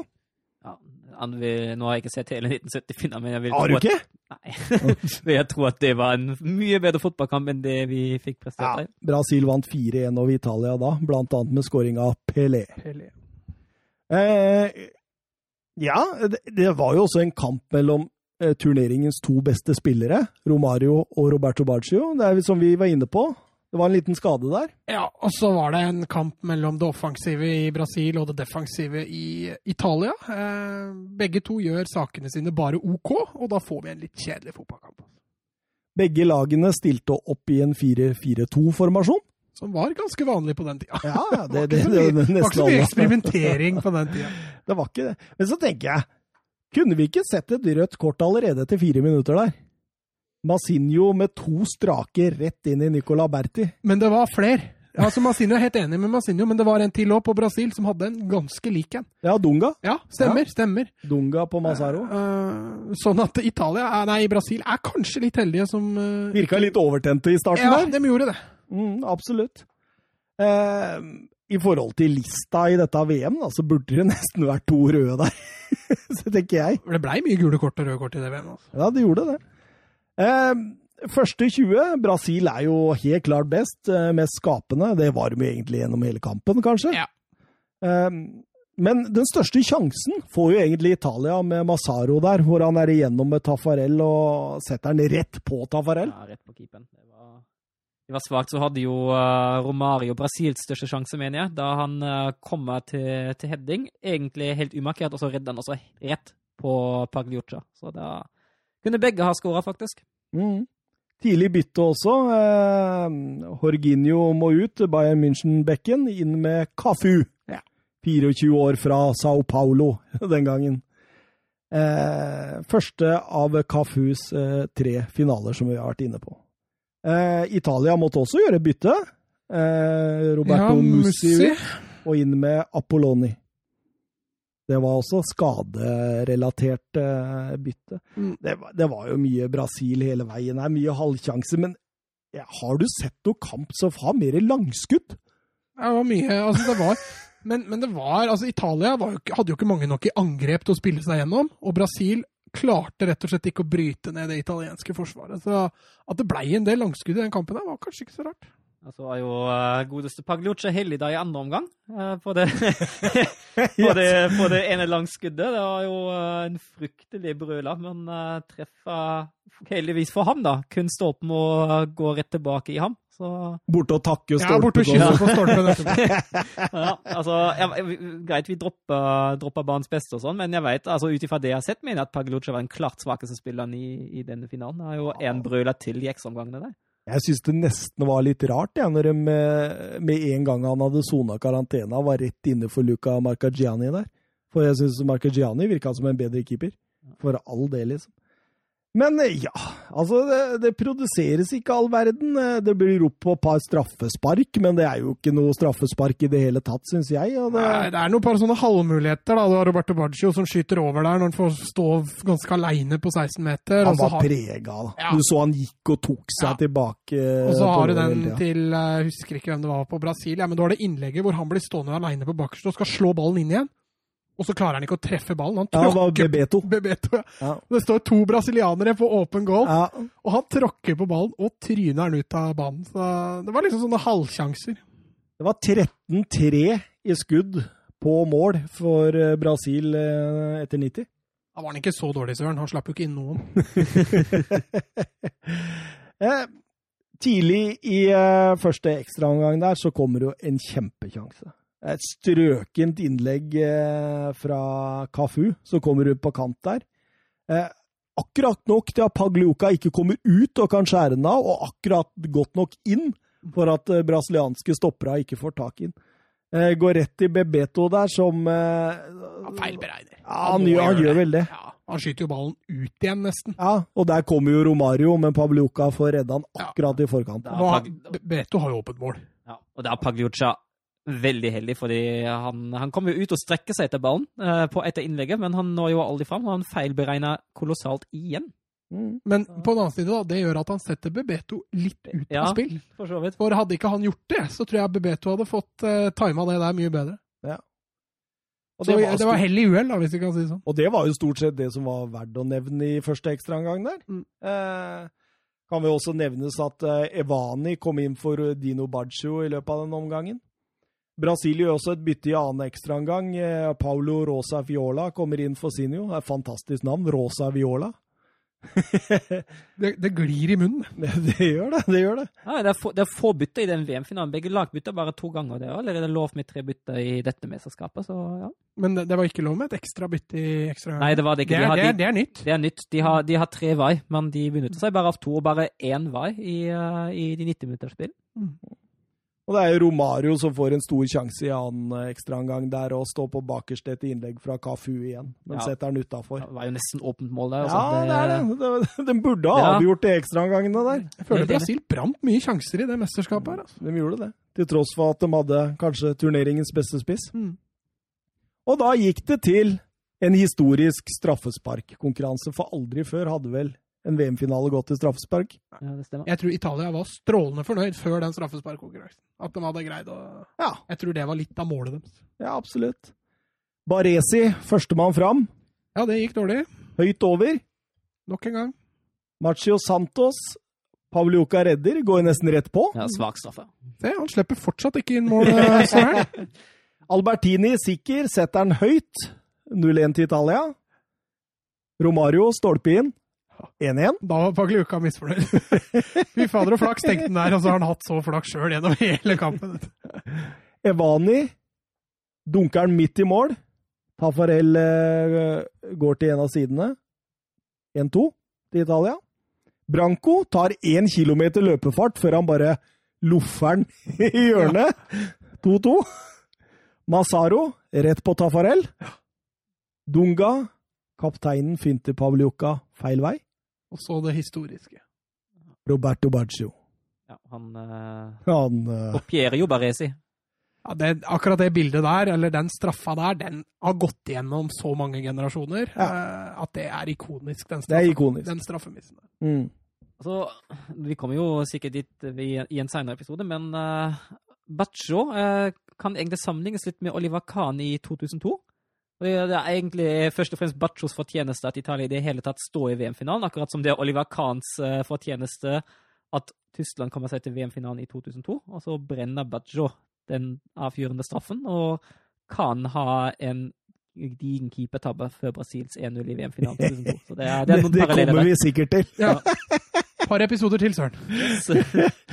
Ironisk nok, Roberto Baggio, mesterskapets kanskje beste spiller. Han som dro Italia fram med et par mål Mm. på slutten. Han Det er, liksom, det er ironi. Ja, og du ser det så ofte at store spillere, ta Messi Ronaldo i Champions League-finalen for United, som drar laget sitt fram, og så feiler dem i det avgjørende. Og da jubler til og med Pelé i, sånn United States of America-slips. Da flirer jeg. Og så hyller brasilianerne etter kampen, han eh, Formel 1-kjøreren. Arton Senna. Ja, Senna. Ja. Så Da fulgte jeg eh, mye med på Formel 1, så det, han døde vel eh, på Imola-banen ca. en måned ja, i forkant. forkant. han blei kjørt i hjel i den dødelige svingen. Jeg husker ikke hva han kaller den Mm. svingen. Men, eh, men eh, brasilianerne hylla han, og, Det er fint. ja, og de eh, var jo litt syltefora på et eh, fotball-VM-gull, og har egentlig brukt Senna som, som noe å lene seg på innen sporten. Hvis vi Ja. kan kalle det sport. Senna var stor i Brasil. Han var stor generelt sett, faktisk. Men jeg må si det mesterskapet her var et stort skritt i riktig retning hva det gjelder fotball. Ah, Altså, gøy. fra det vi dreiv med på 90. Jeg syns det var skikkelig gøy, det der, og det var morsomt. og Jeg gleda meg til å sette meg ned og se kamp for kamp og, og, og følge med og, og finne info. Det var moro. Og så var det gøy å se fotballen utvikle seg. Ja. Dette her var, Nå er vi et steg nærmere der vi er i dag. Og snart kommer 98. Ja. Og da er det vel 32 lag Ja. Ja, for første gang. Vår første gang. Så det er bra at vi har eh, skrenka ned gruppespillsnakket. Det stemmer vel. Ellers så kan det bli tre timer. Ja. Men det, er vel det blir jo ikke så mange flere grupper, da? Gjør det det? To til. To grupper til, ja. Det blir to grupper til, men gruppespillet går jo for så vidt grei, og så blir det jo det samme Ja, det blir jo, for fordi du får ikke noe treere med. beste treere er jo borte. Og, og det er egentlig ganske greit, tenker jeg. Ja. Fordi beste treere var slitsomt egentlig å Men følge sånn- med på. EM, eller VM nå blir framover, med mange flere ekstra lag og sånn, så tror jeg det blir mindre grupper og Ja. tre lag i gruppen. Oi, oi, oi. Det blir spennende å følge. Eller oh. om du er litt tradisjonell som meg, så blir det kjipt. Ja. Jeg syns VM er bra sånn som det er nå. Ja. Og det EM-greiene de skal begynne med. Hva er det for noe? ja, det der med å flytte overalt. Jeg får ikke noe arrangørland, liksom. Får ikke noe tilhørighet til mesterskapet, da. Nei, jeg, blir, jeg er litt skuffa over det. Mm. Syns det Sånn VM i det har, EM i, det har Ja. litt å si, det. altså. EM i Europa. Ok. Afrikamesterskap i Europa. Det hadde jo vært, hadde vært fett, da. Kort vei. Roger Milla som 74-åring på Ullevål. Hei! eh. Nei, gutta. Skal vi lokke 94-VM og si at eh, det var en fortjent uh, seier til Brasil? Ja, det var det i hvert fall. Utvilsomt. Ja. Det var uh, ingen lag som var i nærheten av dette Brasil-laget. Vi får se om de kommer seg til finalen igjen i 98. Hvem var uh, største overraskelsen for dere i dette VM? Bulgaria, helt klart. Ja, jeg også må nesten trekke fram Bulgaria. Og så var jeg imponert over Nigeria. Jeg syns de spilte veldig positiv fotball. Eh, Nigeria var uflaks som trakk Ja. eh, ja. Og så kunne de ha tatt Italia. Mm. Eh, Men hvis jeg skal trekke fram spiller, så må jeg si Hagi og Stojkov. Altså. Ja, du- Fantastiske fotballspillere. Jeg lot meg forelske. Jeg Roberto Baccio for min del. Han, Jeg han syns visste jeg jo var så god. Jeg hadde bare glemt Stojkov og Hagi. Ja, ja. Og så Jordan Letchko. Åh. du veit han har måne, vet du. Han er 26 år og måne. Men det hadde jammen konto, altså. Så det, Men han hadde sider, sideskill. Han gredder over. gleder du deg til å ta fatt på 98, eller Søren? Ja, veldig. Det er gøy mesterskap, og det er første mesterskap jeg i hvert fall husker noe av. Jeg begynte å bli gammel nok til å huske noe, i hvert fall, så det er jo fint. Det var Frankrike som vant der, var det ikke det? Nei, må du ikke avsløre noe. Å, nei, ok. Nei, det var ikke, var ikke. Det var vel han andre skalla karen uh, som eh, fikk eh, være helt i det mesterskapet. Å, det blir deilig. Kan vi ta. EM òg, eller skal vi ta det nå? Nei, 96? skal vi, skal vi gå rett på EM? Husker i hvert fall uh, Paul. Gascoigne sin fantastiske mål mot Skottland der. Ja, ja, ja. Og det var Husker jo du den? det Han bare lobber den over eh, Colin Henry der, og tar den igjen på Men det der var uh, Scherer og Southgate sitt ved EM. altså. Ja. Men Gascoigne, ja. Skottland 4-0, var det ikke det det ble? Å, det var en Og sånn- Anderton sin miss på slutten Mm. mot Tyskland i semifinalen. Stemmer, stemmer. Han setter den i stanga al- der på Alltid Tyskland for England. Ja. Også på straffekonka, gitt. Jeg husker også, hvis jeg kommer til å tenke på England-Tyskland i seinere VM Husker du det målet til Lampard som var I én 2000 meter to- 2010, ja. Det var, I Tyskland ble det jo, ble jo tatt som, eh, som et slags hevn i anførselstegn på 1966. da. In your face, liksom. Men det var jo bare det at uh, Tyskland hadde vel så å si avgjort kampen allerede på det tidspunktet. Det Det var ikke 2 eller tre ja, det var vel noe det var 2-0, ja. 2-0. Ja, ja, da var det ikke avgjort. Nei, Hadde de fått den skåringa der, neste så. Nei, vi kjører 98. Vi kjører 98 neste gang. En, ja, maks et par uker til. Mirakel i Marseille. Maks et par uker til, eller? Ja. ja. Nå må vi jo ha tid til å fordype oss litt i dette òg. Først en liten pause, og så begynne på'n igjen. Ja. Det er gøy! Det er gøy å Ja, det er skikkelig gøy. Hvem er det som har ti spørsmål neste gang? Det er meg. Har jeg fått poenget mitt, eller? Jeg har så jækla Nei, få, du- så jeg må huske, må huske å gi meg de poengene jeg Du har fortsatt to der. Så. Oi, Det var egentlig deilig for meg at du vant òg, for jeg ser ikke deg som noe trussel nå. Så. Oi. Hvor mange poeng har du? Fem. Hvor mange har jeg nå? Tre, da? Nei, men Søren har sju, vet du, så han vil jo det, Du vil jo gå fra hvis du hadde fått flere poeng nå. Ja, Søren får ikke, får ikke fått noe poeng neste gang. han. vet du. Nei. Jeg gjør ikke det. Da skal jeg holde quizen sjøl. Skal vi si uh, ha det bra, eller? Ja. Adjø. Ha det. Ha det!